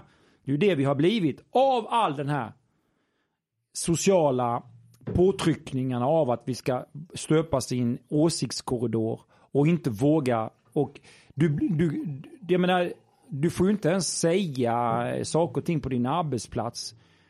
Utan då, då blir du stämplad som det ena och det andra om inte du är i den här åsiktskorridoren som är då den här eh, goda. Vad är det för ord? Jag, jag, jag söker ett ord här. Eh, när man ska vara sån här, eh, inte godhetsknarkare utan det är ehm, eh, Godhetssignalerande. Nej, men jo, nej, det är ett annat ord. Jag- kommer kanske på det. Men du, är du ute ur kylan från komikereliten i Sverige? Hur, vad, hur, hur, hur ser de på dig idag? Faktum är att jag vet inte riktigt för jag, jag för det första så bryr jag mig inte speciellt mycket. Jag, jag kan inte hålla på och eh, jag, jag hade det varit för 15 år sedan och jag, och jag skulle ha någon form av karriär där jag var mån om eh, min framtid eller på något vis sådär att eh, jag har Ja, då hade jag väl kanske brytt mig, men nu bryr jag mig inte så mycket vad folk tycker och tänker. Jag orkar inte läsa det liksom. Men du Peter, jag, jag, jag, Det, har hand, pra- det jag har handlar om att överleva. Det är för, för, du vet, stanna comedy-branschen är ju helt nedlagd nu va? Butiks, eh, eller vad- säger jag, besöksnäringen är Ja. ju helt nedlagd. Det är ju- jag, det är jag, jag har pratat med, med många komiker inför det här samtalet med dig. Och alla jag pratar med Du kan inte äta nötter när vi spelar in ett fucking avsnitt. Jag tappar nötterna i skrevet. Alla komiker jag pratar med Peter har en sån oerhörd respekt för dig. På riktigt, de verkligen säger så här, Peter Wahlbeck, det är som han, han kan det här med humor.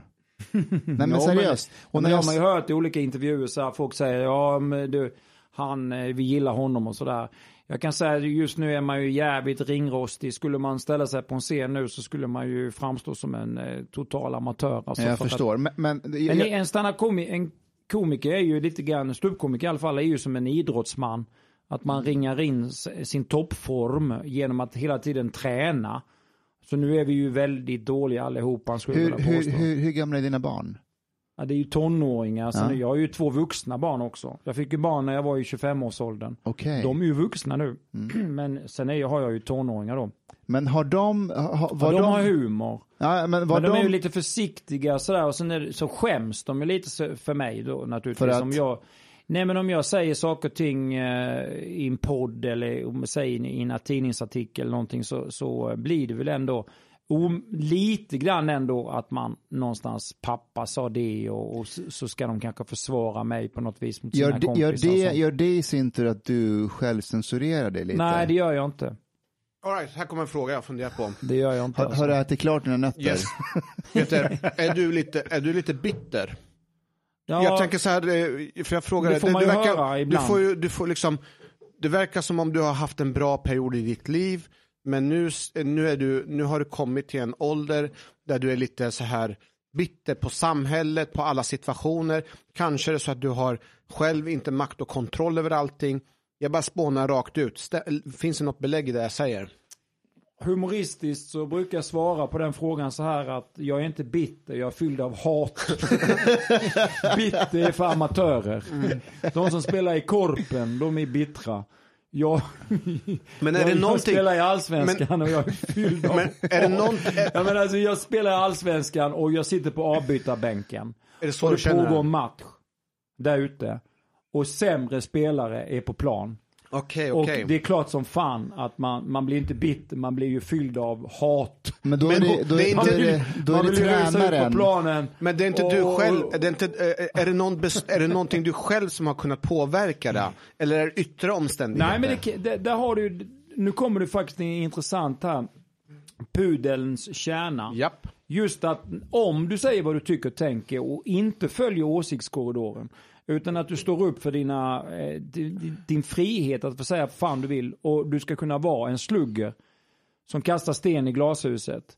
Eh, och så stämpla andra dig i ett fack och säga att du tycker det och du är det och du är SD light och du är rasist och sånt där för att du vill diskutera saker och ting och, och plocka fram en form av eh, ja, nyfikenhet på vad som sker runt omkring oss. Precis som du, du, du nu vill undersöka eh, vad händer nu om vi, om vi har en demonstration för mer restriktioner. Och så läser du i ett flöde att Ja, men kan jag verkligen gå på den demonstrationen för då kommer jag ju smitta andra.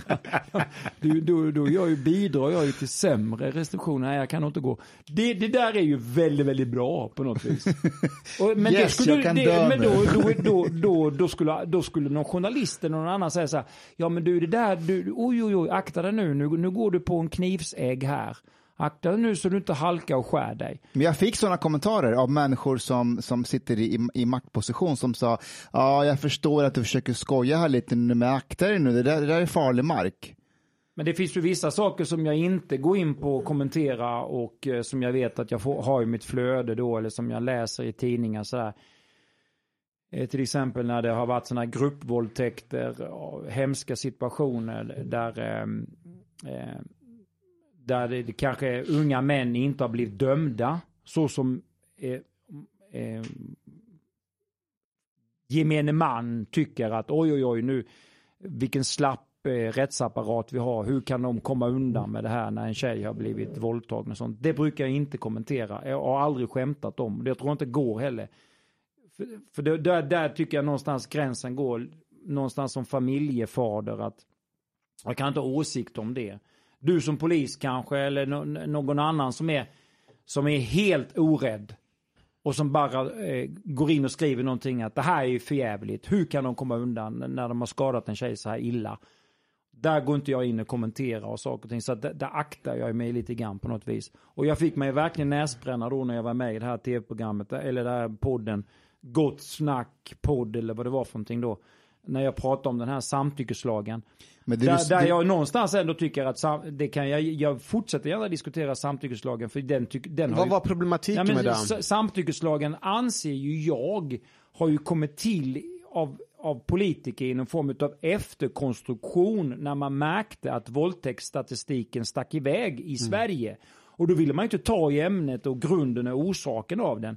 Och vi har ju massa snackepellar överallt som sitter sån här, vet den här tomten Jerzy Sinetski eller vad han heter. vad, är det för en tomte? eh, Han som, är eh, kriminolog. eller kriminolog. ja men han har ju suttit nu då i generationer och eh, eh, hindrat egentligen eh, jävligt eh, bra forskning. Vad tänker du på då? Vad var det för Ja, forskning alltså, han har varför, hindrat? har man, varför har man inte diskuterat invandring, invandring och brottsstatistik och brottslighet och sånt? Nej, är- för just sådana som han har eh, av rädsla då för att eh, ta i jobbiga ämnen tryckt undan statistik och forskning och eh, undersökningar. Och det är just en sån som han, och just inte bara han, utan just allt det där när allting ska, locket ska läggas på. Det är inte bra för det, det skapar en krutdurk hos alla andra. Och det, det exploderar till sist alltså. Och också många som, som är då stabila och vill skapa ett bättre samhälle och precis som du säger flyr då från fascism och censur. Och så hamnar de i en form av eh, indirekt förtryckande av åsiktsfrihet för att det, det stämmer inte överens med det här, eh, den här, det här goda kapitalet av de här godhetsknackande människorna som styr. Det, det, det, återigen, vad fan är det för ord jag söker? Godhetsknackare? Nej, de är, de är um, Alltså du, du, du ska, du ska framstå som en bra människa. Politiskt korrekt eller? Inte politiskt korrekt, det är något annat ord jag söker. Um. Lyssnarna får... Uh, Men du Peter, ska, sms. jag ska bara tillägga det här med eh, eh, statistik med invandring och brott. Det är ju att jag lyssnade faktiskt på en intressant intervju på Ledarredaktionen som är Svenska Dagbladets eh, podd och då hade de en, eh, sist, senaste poddavsnittet handlade om, eh, om eh, invandring och statistik. Eh, och då var det en, en dam från Brå där och då berättade hon att de har ju, du vet, det finns ju två studier redan på det, 90-talet och 2000-talet, som visade på en ganska mm, hög eh, överrepresentation. Och då, och då frågade journalisterna, men varför har ni inte gjort fler studier? Och då säger hon att, för att vi hade redan och då ville vi inte ha fler. Vi tyckte att det behövs inte fler. Ja, men och, du hör ju själv. Och, och, och det låter ju, alltså det, det, det, det, är som att så här, man gör forskning på att eh, socker är dåligt på 90-talet. Sen bara, vi gör inte mer forskning ja. på att socker är dåligt. Vi har redan kommit fram till att men det är inte så det funkar, du måste fortsätta forska liksom. Men man eh. vill ju inte stigmatisera en grupp som är redan stigmatiserade. Nej, men det, där är, precis det du säger där är ju exakt vad det handlar om. Eh, och, då, och, då, menar jag på att då, då eh, stoppar man ju huvudet i sanden och då kommer man inte till någonting kreativt eller något konstruktivt då va. Sen, sen, sen är det ju så här också att eh, det, det, är ju inget snack om saken att när vi nu pratar om, om invandring så här va. Jag, jag, jag tycker att Sverige och de här godhetsknackande människorna då som ska framstå som goda eh, har ju lurat hit människor som inte, eh, de har ju lurat hit människor som eh, eh hamnar i utanförskap på grund av att det finns massa människor då. Och då kommer man få säga, ja, men det är inte det bättre än eh, att eh, de befinner sig i flyktingläger och så vidare. Men alla de pengarna som har eh, förspillts i att skapa den här utanförskapen tycker jag då kunde ju användas kreativt just i flyktingläger. Där, där, det, där det är ett helvete att bo just nu. Där det bara fylls på med ännu mer, ännu mer och där det finns gäng och läger och krig inne i de här flyktinglägena. Så det, det, det, skapas ju kaos på grund av att hela tiden läggs locket på och du får inte diskutera det. Och det stigmatiseras och Brottsförebyggande rådet och sådana här saker och ting. Va? Det, vi, vi kommer aldrig komma ur den här eh, i, i, när, när inte människor får lov att, att diskutera det diskutera saker och ting utan att bli stämplade som en det ena, en det andra och sen så lyssnar den fjärde och den tredje på den och så blir du, hamnar du mer och mer i utanförskap. Där är ju en sån som jag då. Peter, vilken... vilken... Det där är ju svaret på vad tycker dina kompisar som det är? Hur kommer det sig att du är utanför? Peter. Du, du är svartlistad. Jo, därför att jag menar på att man måste ha rätten att kunna diskutera saker och ting. Och jag säger inte vad som är rätt och fel i den här situationen. Men däremot kan jag säga rakt av utan att skämmas, jag tycker att de här jävla godisknackande människorna har lurat hit människor i hopp om att till en bättre framtid och sen så hamnar de i arbetslöshet och utanförskap. När det inte finns, eh, men nu börjar det ju bli bättre när, när eh, det finns engagerade människor som eh, lärare som vill jobba i utanförskapsområden. Poliser som orkar, orkar ta matchen. För det, jag menar, människan någonstans innerst inne är ju god och vill ha det bra. Det, vi, vill ju inte, vi vill ju ändå någonstans uh, utbilda oss och... och Minns jag, du, jag tänker, du kan ju se framför dig nu de här människorna som sysslar med gängkriminalitet som är ungdomar som hamnar då i fel gäng och, och så, som kanske inte ja, kanske inte har det så bra hemma på grund av trångboddhet och vad det nu är för någonting då. Jag tror att vi kommer ju se en boom om fem sex år när de vill lämna de här gängen. Och då gäller det ju att samhället är berett att ha socialpedagoger och HBV-hem och, och, och, och, kan ta emot och ta hand om de ungdomarna som, som kanske är studiemotiverade och vill någonstans, för det märker du som förälder, att dina ungar, de förändrar sig på fem år. Någon, ett beteende som den har när den är fem år gammal, det försvinner när det är tio. Sen kommer någonting när de är 15 och då håller de på med en viss sak. Plötsligt när den är 20 så gör, har den inget intresse av det som den sysslar med när den var 15. För människan växer och blir äldre och klokare. Och då gäller det verkligen att samhället, för att annars så är ju de här pengarna som Sverige har lagt ner i invandring helt bortkastade. Du, Om inte Peter. vi verkligen eh, kan ta hand om Kom, dem. kommer, du, kommer du ihåg när du började ha de här resonemangen kring invandring, brottslighet, migration? Hur länge sedan det var du började inse det här och hur din omgivning reagerade när du började resonera så? Ja, kanske... ehm, Nej, men det, jag måste säga att det var nu- kanske 10, 5, 15 år sedan kanske. Faktum när jag Då var- läste... då var jag du rätt läste, före, Du, nej, men eh, en av anledningarna var faktiskt när de gav sig på han Tino, Tino San... Sanandaji. Ja, precis. För jag tyckte att när han, första, första artiklarna och de första gångerna jag såg honom på tv i, da, i debattsammanhang så tyckte jag att han hade rätt. Han sa jävligt kloka, bra grejer. Jag tänkte den här snubben, han har, har ju dessutom en invandrarbakgrund. Om det, och han var statsvetare och kom med jävligt kloka... Nationalekonom. Nationalekonom, ja. Just det, förlåt. Han hade väldigt schyssta åsikter och sånt. Och då eh, i tv och allting, då började de smutskasta honom. Och kallade honom för både det ena och andra otäcka ord. Han var till och med rasist för att han diskuterade detta då. Och, och eh, eh, ja, alltså jävligt elaka var de mot honom då, tyckte jag då. Journalistkår och, och eh, ja, kulturelit eller vad det nu är för någonting. Och jag tyckte att han hade rätt. Så jag började läsa mer och mer om det här och, och, tyckte det, och tycker fortfarande att han har rätt. Han har skrivit den här boken Massutmaning. Eh, Ja, Han har ju startat en tidning, Bulletin. Har du hört de han är senaste... väl en av allihopa. Nej, Han är en av eh, liksom, delägarna va? Och det är ju väldigt stökigt nu kring eh, Tino Bulletin. Har du följt eh, Nej, men jag diskussionerna? läst, jag bara hörde på radion att det var ett litet tjafs hit och dit om att ägarna då inte hade olika åsikter. Men, men, men den här boken, bara sånt, bara sånt exempel. Det finns ju ingenting i den boken. Eh, Jag har inte läst hela boken, jag har bläddrat och läst vissa artiklar och olika så här sidor och statistik och sådär va.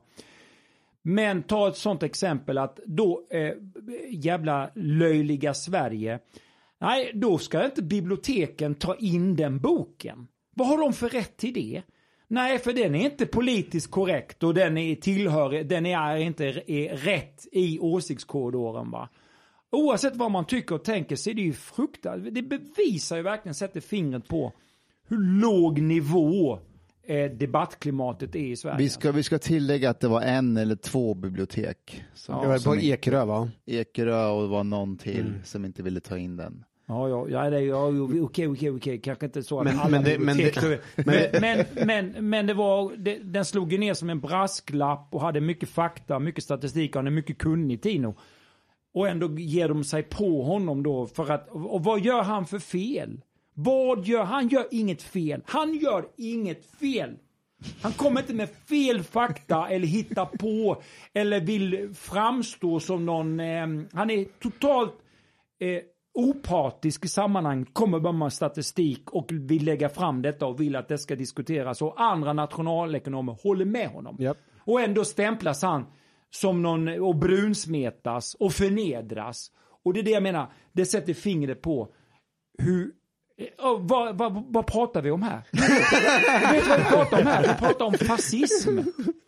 Vi pratar om fascism. Nu, nu är inte Tino här, men om han hade varit här så skulle han säga att det är inte dugg synd om honom. Han, han har en tidning och det går bra för honom.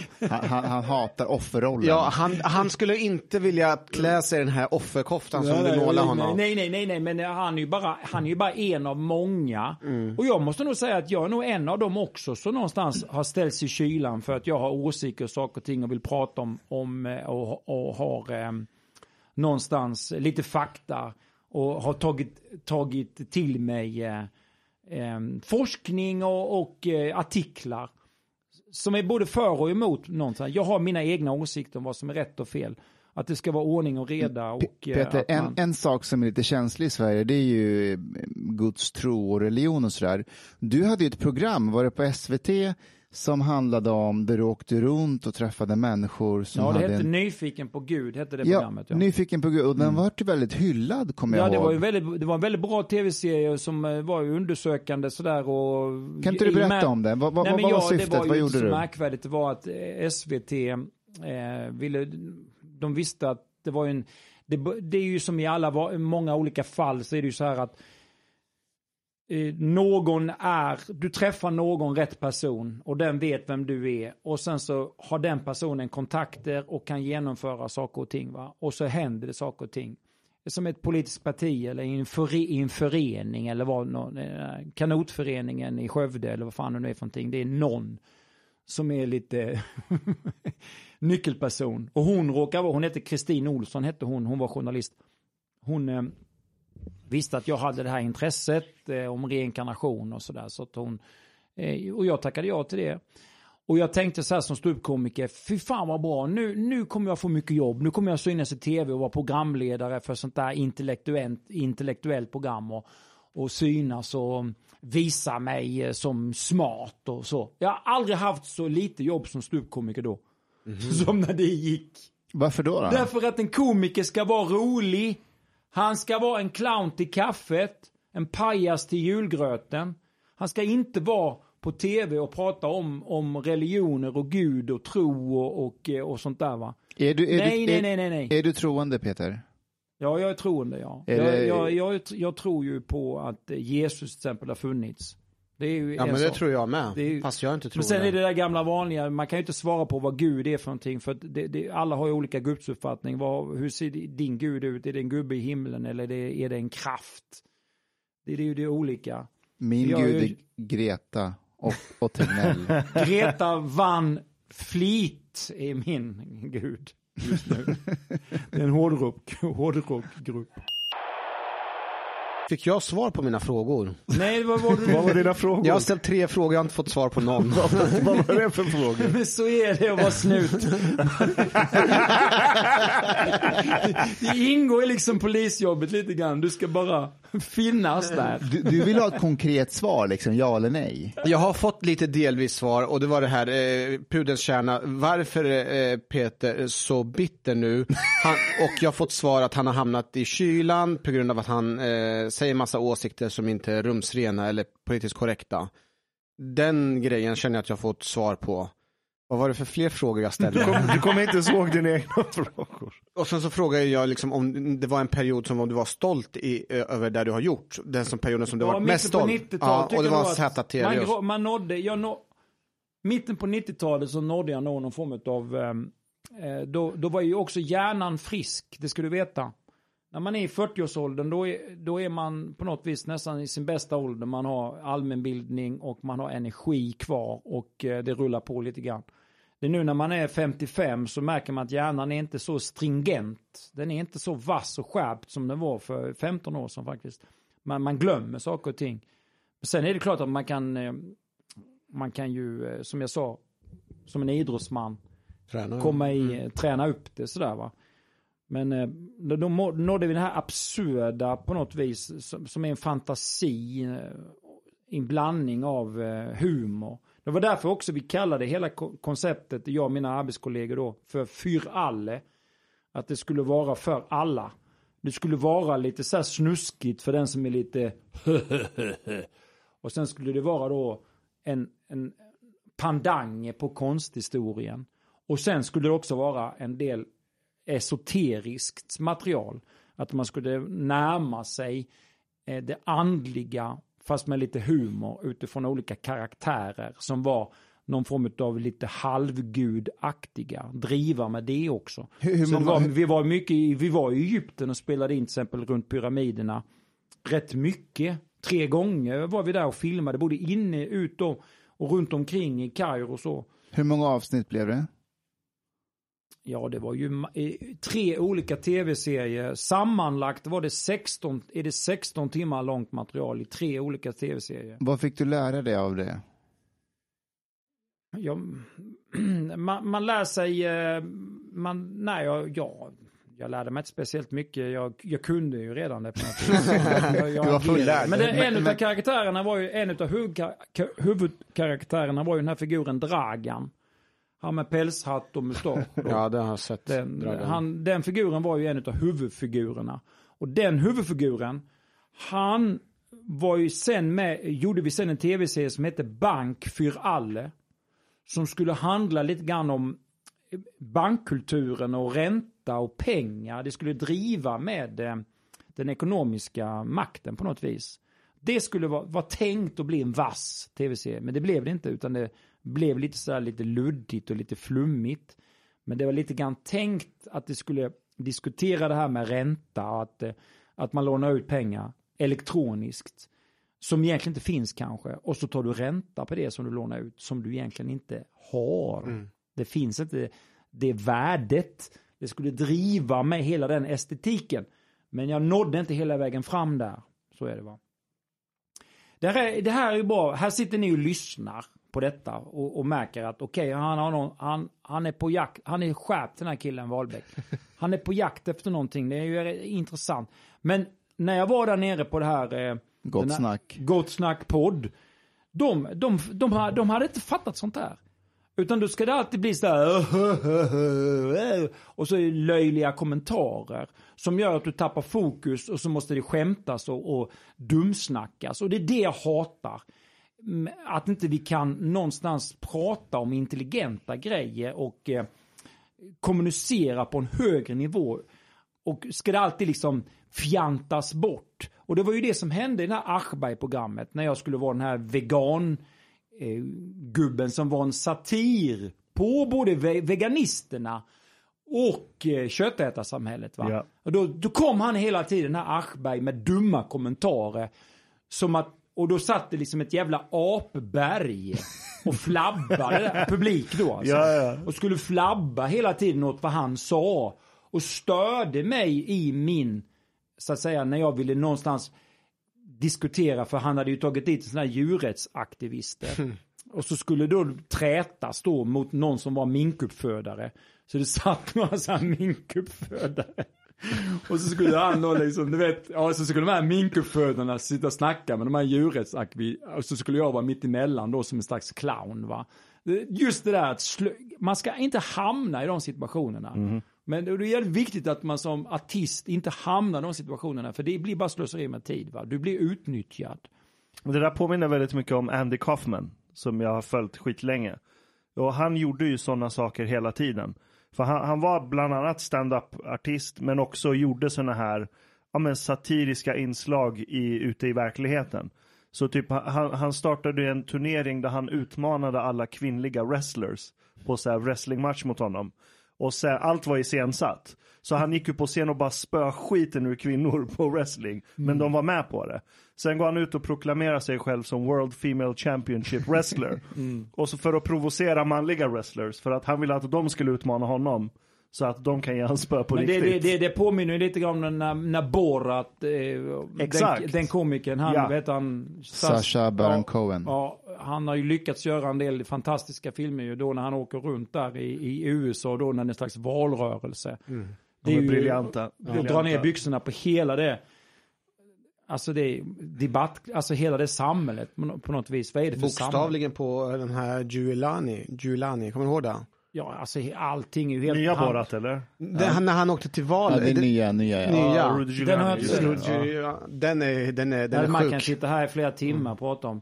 Men, men eh, vad var, vad var, det var något annat du pratade om. eh, Du hade en annan fråga där som var intressant. Jo, jo, jo, jo, jo, jo, jo, jo, jo, men håller ni med mig där när jag säger det att, att, att när man, det, det, jag tror att det är han Roy Andersson som har skrivit en bok, du vet han filmaren Roy Andersson. Han har ju skrivit en bok som heter just det, vår, vår rädsla för eh, det viktiga samtalet. Eller sånt här, vår rädsla för, alltså samhällets rädsla för allvar. Jo, vår, jag tror, så heter den tror jag. Eh, vår rädsla för allvar. Det, det är någon sån bok. Jag har inte läst den, men jag tyckte att titeln var precis att det, det är någonstans det vi, vi befinner oss i. I det här barnsliga eh, sladdkärringsamhället. Att det finns en rädsla för allvar. Ja. Det, det finns en rädsla för att prata allvar. Och, och därför måste man ju ändå säga att den här poddkulturen som eh, ni är en del av. Den har ju någonstans tagit samhällsdebatten och samhällsklimatet framåt. Den här pod, poddosfären.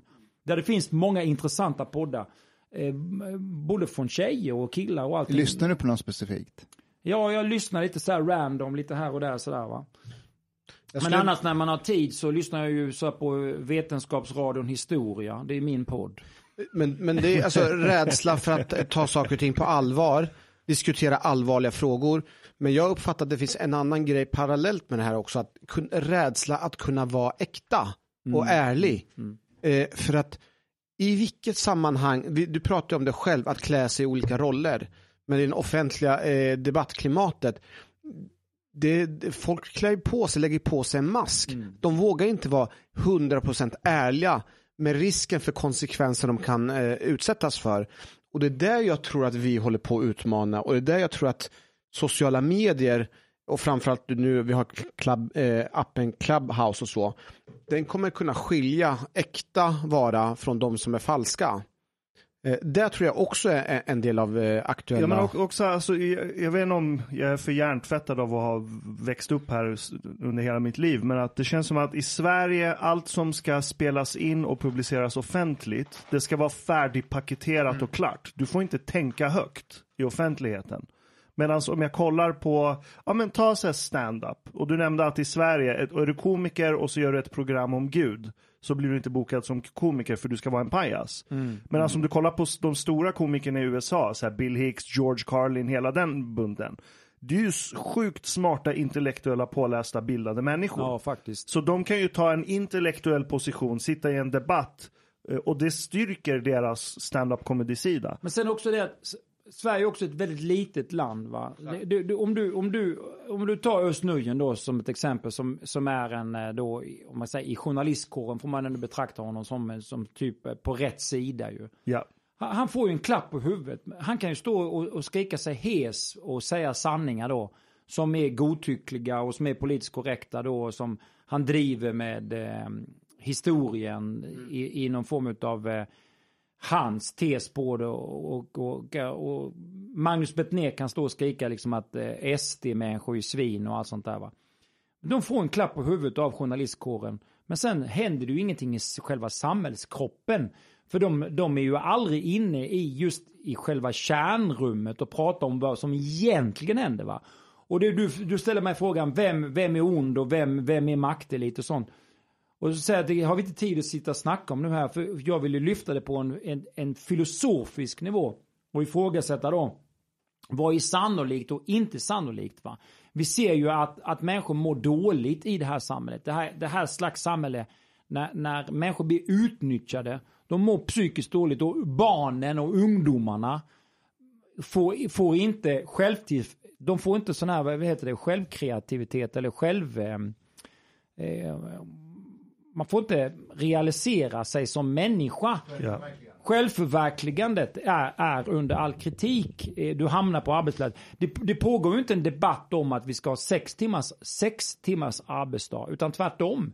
Nu har vi hamnat i det här att alla ska jobba utav helvete och vara så jävla duktiga som möjligt och, och det är Du har ju kvar lite, Peter, du har ju kvar lite vänstern i Ja, dig. jag tycker det är ju, alltså, det finns ju, det finns ju möjligheter till reformer som gör att människan som en öm och känslig varelse skulle kunna få ett bättre liv någonstans.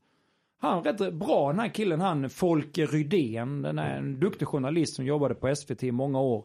Han är ute och håller lite föreläsningar. Jag, höll, jag lyssnade på en föreläsning han hade på Öland där jag medverkade. Folke Rydén. Han har gjort lite filmer om eh, Östersjön och, och eh, lite miljöfilmer och, och sånt där. Jävligt smart kille. Han sa det helt enkelt att som, han tröttnade på att vara journalist i den här vanliga fåran. Eh, han ville, för, han ville att, att världen skulle bli en bättre värld. Vad är det vi vill? Ja, vi vill ha fred. Men vad utöver det? Jo, vi, vi vill ändå, ändå någonstans skapa en bättre värld. Vi vill ha ett bättre samhälle, en bättre värld. Så han började göra då sådana här filmer då och, och avslöjade just makt eh, som gjorde sämre för människorna. Han avslöjade dem. Han, han tog fram fakta, statistik och bevisade för politiker att det finns människor som gör det sämre för alla andra. Han använde sin journalism till det. Och någonstans är det inte det att man vill ha en, en bättre värld för barn och, och för, för uh, människor. Det, det föds, ju- du vet, jag föddes 63. Sen jag föddes så, så har det blivit dubbelt så mycket människor på jordklotet. Det är alltså dubbelt så mycket människor på jordklotet. Och hur ska det här, hur ska vi kunna organisera alla de här enorma människomassorna som föds just nu om 25 år till? Det, det, det, det, det kommer inte hålla. Vi kan ju ställa en fråga till Ashkan. Vadå? Vart är vi på väg? Du om kan om, ju om jordens befolkning blir dubbelt så mycket. Det är också det är en tre timmars föreläsning. Men ta den på... Men jag tror inte medborgarlön är lösningen. Okej. Jag, jag tycker medborgarlön, det är, det, det, det är god tanke, men det är en sorts våld när du tar ifrån människan eh, sin förmåga och möjlighet att kunna bidra. Och jag tror att det är det som händer om du inför medborgarlön. Peter pratar ju om eh, sex timmars arbetsdag. Eh, Ja. Kommer inte den automatiseringen göra att vi kommer ha ganska mycket tid framöver för oss själva? Jo, men när, du inte, när din tid inte krävs av någon annan för att du, och du får känslan av att om jag inte gör det jag gör så kommer samhället inte funka. Har du inte den känslan så tror jag du kommer bli deprimerad ganska Alltså snabbt. meningsfullhet med livet. Ja, meningsfullhet är kontribution till samhällskroppen. Jag håller med dig. Men, men samtidigt också handlar det om att samhället måste ju erbjuda fritidssysselsättning som är Ja. eh, i stimulans och nivå med Absolut. den intellektualiteten som finns på något vis. Va? För, för, att Jag menar, förtydliga, jag- för att förtydliga, meningsfullhet är att, kontribu, alltså att kontribution till samhällskroppen. Men kontribution till samhällskroppen behöver inte automatiskt mena att det är meningsfullt. Du kan slita arslet av dig på en fabrik 14 timmar om dagen och känna att du inte bidrar med någonting alls. Så det beror på i vilken men, ordning men, du säger men det. jag, jag jag undrar Peter och, och Ashkan och Hanif, men, alltså att ehm, det finns ju människor som du Peter, som, som är kreativ, konstnär. Du, du, om du får tid att göra mer av det så skulle du må bra av det. Men min bild är att majoriteten av människor är inte så jätteintresserade. De kanske vill gräva ett hål och gö- göra sitt jobb, gå hem. Ja, men kolla, det, det, det du säger det är exakt det en av mina favoritmarxister, Erich Fromm, sa för skitlänge sedan, typ 60-talet. Han, han, sa att så gör du människor helt fria från allt. Det första den människan kommer göra det är att hitta kedjor och kedja fast sig med. Vi klarar inte av total frihet. Nu säger jag inte att du menar att vi ska ha total frihet Peter, men jag menar den här idealiseringen av frihet är inte, den har sina brutala Nej baksidor. men det blir ju, det, det blir ju boring som det heter. Det blir Ja. ju tråkigt för människor att gå och slå dank. Och inte, det måste ju finnas någonting kreativt, det måste finnas någonting utmanande. Men det, det, hela pedagogiken i skolsystemet handlar ju om att, eh, jag menar, en bra pedagogisk skolsystem handlar ju om att du ska ta hand om vissa människor som barn som har ett speciellt intresse. Men nu ska ju alla stöpas i samma fåra. Ja. Det är ju inte som eh, att de som är duktiga på matematik kanske skulle kunna vara med de andra som är duktiga och som träffar någon vuxen som, är, som kan stimulera det här matematiska sinnet.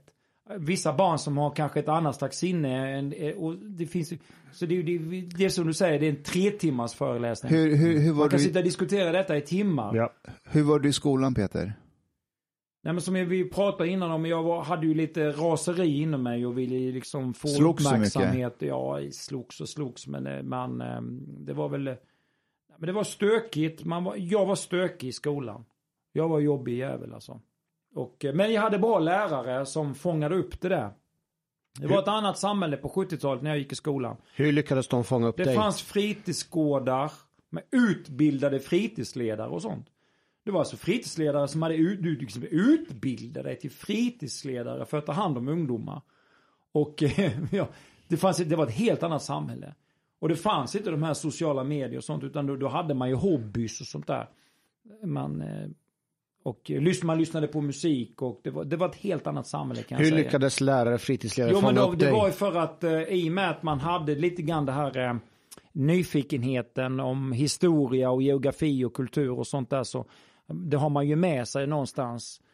Eh, vad det kommer ifrån hävdar ju jag har med tidigare livs intressen och sysselsättningar att göra. Du tror på tidigare liv? Ja, det är jag fullkomment övertygad om. Jag har Vad- vad var det förra liv? som minns tidigare liv. Men Vad var det i förra liv? Bland annat nu i det programmet där, Nyfiken på Gud, då träffade vi människor som hade klara minnen av tidigare liv. De åkte till platser där de hade bott och pekade ut på kartor och allting var de hade bott i tidigare liv och sånt. Men, men det är väl inte en del av kristendomen? Det är ingenting med, har ingenting med kristendom Nej göra, men du sa ju att du... Eh, Han sa inte att det var en kristen. De flesta religioner har pratat om återfödelse och reinkarnation och sådana saker, men det togs ju bort. I, i, det, I den bibeln som vi har i det västerländska samhället nu, togs ju det bort vid de här olika kyrkomötena som man hade på medeltiden när påvestaten byggdes fram och sånt där. Det är ju, det, det är ju en, det, men det fanns, det fanns sådana apokryftiska eh, man säger, evangelier och sådana berättelser som sen har skrivits ner och hit och dit sånt där. Ashkan, ha, ha, ha, Religionerna är väldigt viktiga för mänsklighetens utveckling. Varför då? Varför? Jo, därför att det, det, det skapar ju någon form av moral, moral och värdegrund om, om, något, eh, om någon form av att eh, man ska hjälpa den svage och det finns ju vissa sådana olika regelverk i religionerna som, som är bra när vi växer som människor. Men nu har vi ju kommit till, till nu måste vi ju gå vidare och nu kommer reinkarnationen. Och då blir det en nyckel för de flesta att eh, som man sår får man skörda. Och det präglar under många liv. Och det kan bevisas men det, som sagt det är en tre timmars föreläsning. Ashkan, hade vi som species mått bättre om vi inte hade haft sociala medier? Om vi inte hade haft sociala medier?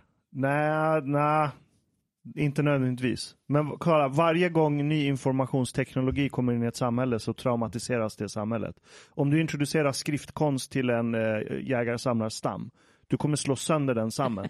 Du kommer förändra deras relationer, deras psyke. Nej men det är sant. Jo men, så, jo, men det är helt... Jag, Nej, men det är jag, sant. Och, jag absolut, menar, och, väst, och väst är ju byggt på skriftkonsten som grund. Ja, right? Skriftkonsten, den är inte den är liksom motsatsen till internet på väldigt många sätt. Men om, när du introducerar internet som är ett participatoriskt medium, du måste delta och du måste lära dig tolka vad som sägs.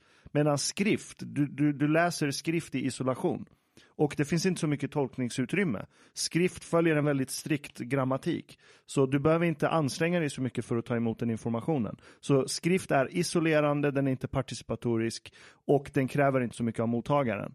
Så när du introducerar skrift till en stam, stammen använder ju språk och öronen för att kommunicera. Så det är ju en participatorisk informationsmedium. Alltså när du säger participatoriskt. Det, det är deltagande, det är okej. socialt. Det är socialt. Det krävs att alla är med, annars funkar inte det mediet. Right? Så världsbilden i en stam byggs av allas erfarenheter i stammen. Right? Så du ser världen med hjälp av alla i stammen. Skrift, så ser du världen genom det du läser. För världen blir för stor. Du kan inte lära dig hur världen funkar av att gå och åka och se allting. Så du måste förlita dig på skrift. Introducerar du internet, som är ett participatoriskt medium, och som kräver från mottagaren att den ska kunna bearbeta informationen för att tolka den rätt, då slår du sönder samhället igen. Så internet kommer ju liksom förstöra väldigt mycket rent kulturellt och relationellt mellan oss människor innan vi lär oss hantera det, innan vi har tämjt det. Och jag tror det är det vi ser när vi Och, ser och, och, var i fasen är vi nu? vi är precis i början av fasen. Shit. Vi ser burnout syndrom, folk blir utbrända och det är så här, ah, då ska vi fixa med arbetstimmarna. Kom igen, kolla på så här 20-talets London. Folk fan jobbade 16 timmar om dagen och andades in kol liksom i luften. De mådde piss. Men det var ingen som var utbränd. Det har inget med hur många timmar du har där att göra. Men, så utbrändheten idag skulle jag säga har att göra med ett nytt informationsmedium har Jo kommit. men det är ju sant. Det är klart att folk blir utbrända när de hela tiden eh, går på tå och måste ta sig till nya intryck och ny information varje dag. Det är det jag menar, att det har jag sagt länge, att jag tror att dagens kids, de... Eh, det är klart att de växer upp i ett samhälle där, de, där det är normalt för dem på något vis. Men kolla vilket enormt tryck det är på dem. Jag tittar på mina tonåringar. Jävla mycket information de tar till sig från morgon till kväll. Med alla de här sociala olika kommentarer som hela tiden är available. Och det plingar och de ska kommentera och de fnissar och de ska kolla på någon liten rolig film. Och sen ska de vara i skolan. Och det är läxor och det är mycket krav och det är kompisar. Och sen är det då tv-serier och, och actionserier med mycket våld. Och sen är det tv-serier där de ganska tidig ålder tvingas bli vuxna när de konsumerar vuxenvärldens problematik i olika tv-serier hit och dit. Och svordomar och allt vad det nu sägs, liksom till och med barnprogram. Det, det, jag, jag fattar inte vad... Alltså, Jag, sen- jag, jag kan bara gå till mig själv och säga så här att, att i min vardag, om jag inte tar in information hela tiden, så underhåller mig med podcasts eh, information, så känner jag att jag slösar min tid. Ja men det har man ju pratat om, det har man ju pratat om att, att eh, dagens unga människor som du, ni, ni är narkomaner av information. Alltså tar man väck det ifrån er så blir ni helt stirriga. Ja, men eh, jag, jag, Du är narkoman av Ja. information. Ja, Du, men är- på du riktigt, är jag är det. informationsnarkoman. Om jag sitter en Du stund... mår egentligen, eh, du mår egentligen inte så bra. men, men ändå Det du visar sig väldigt att det är lugn och Mustafa trygg. som mår dåligt. Du ser väldigt lugn och trygg Det ut. är det, det jag har sagt det hela tiden. Det är Mustafa som är sjuk. Det är en mask. Men det var ju när vi var fjällvandra. Ja, men det är det. Det är mask. Det, det, det är kaos innanför. De här. ögonbrynen, du, du skulle göra någonting åt de ögonbrynen. Du skulle...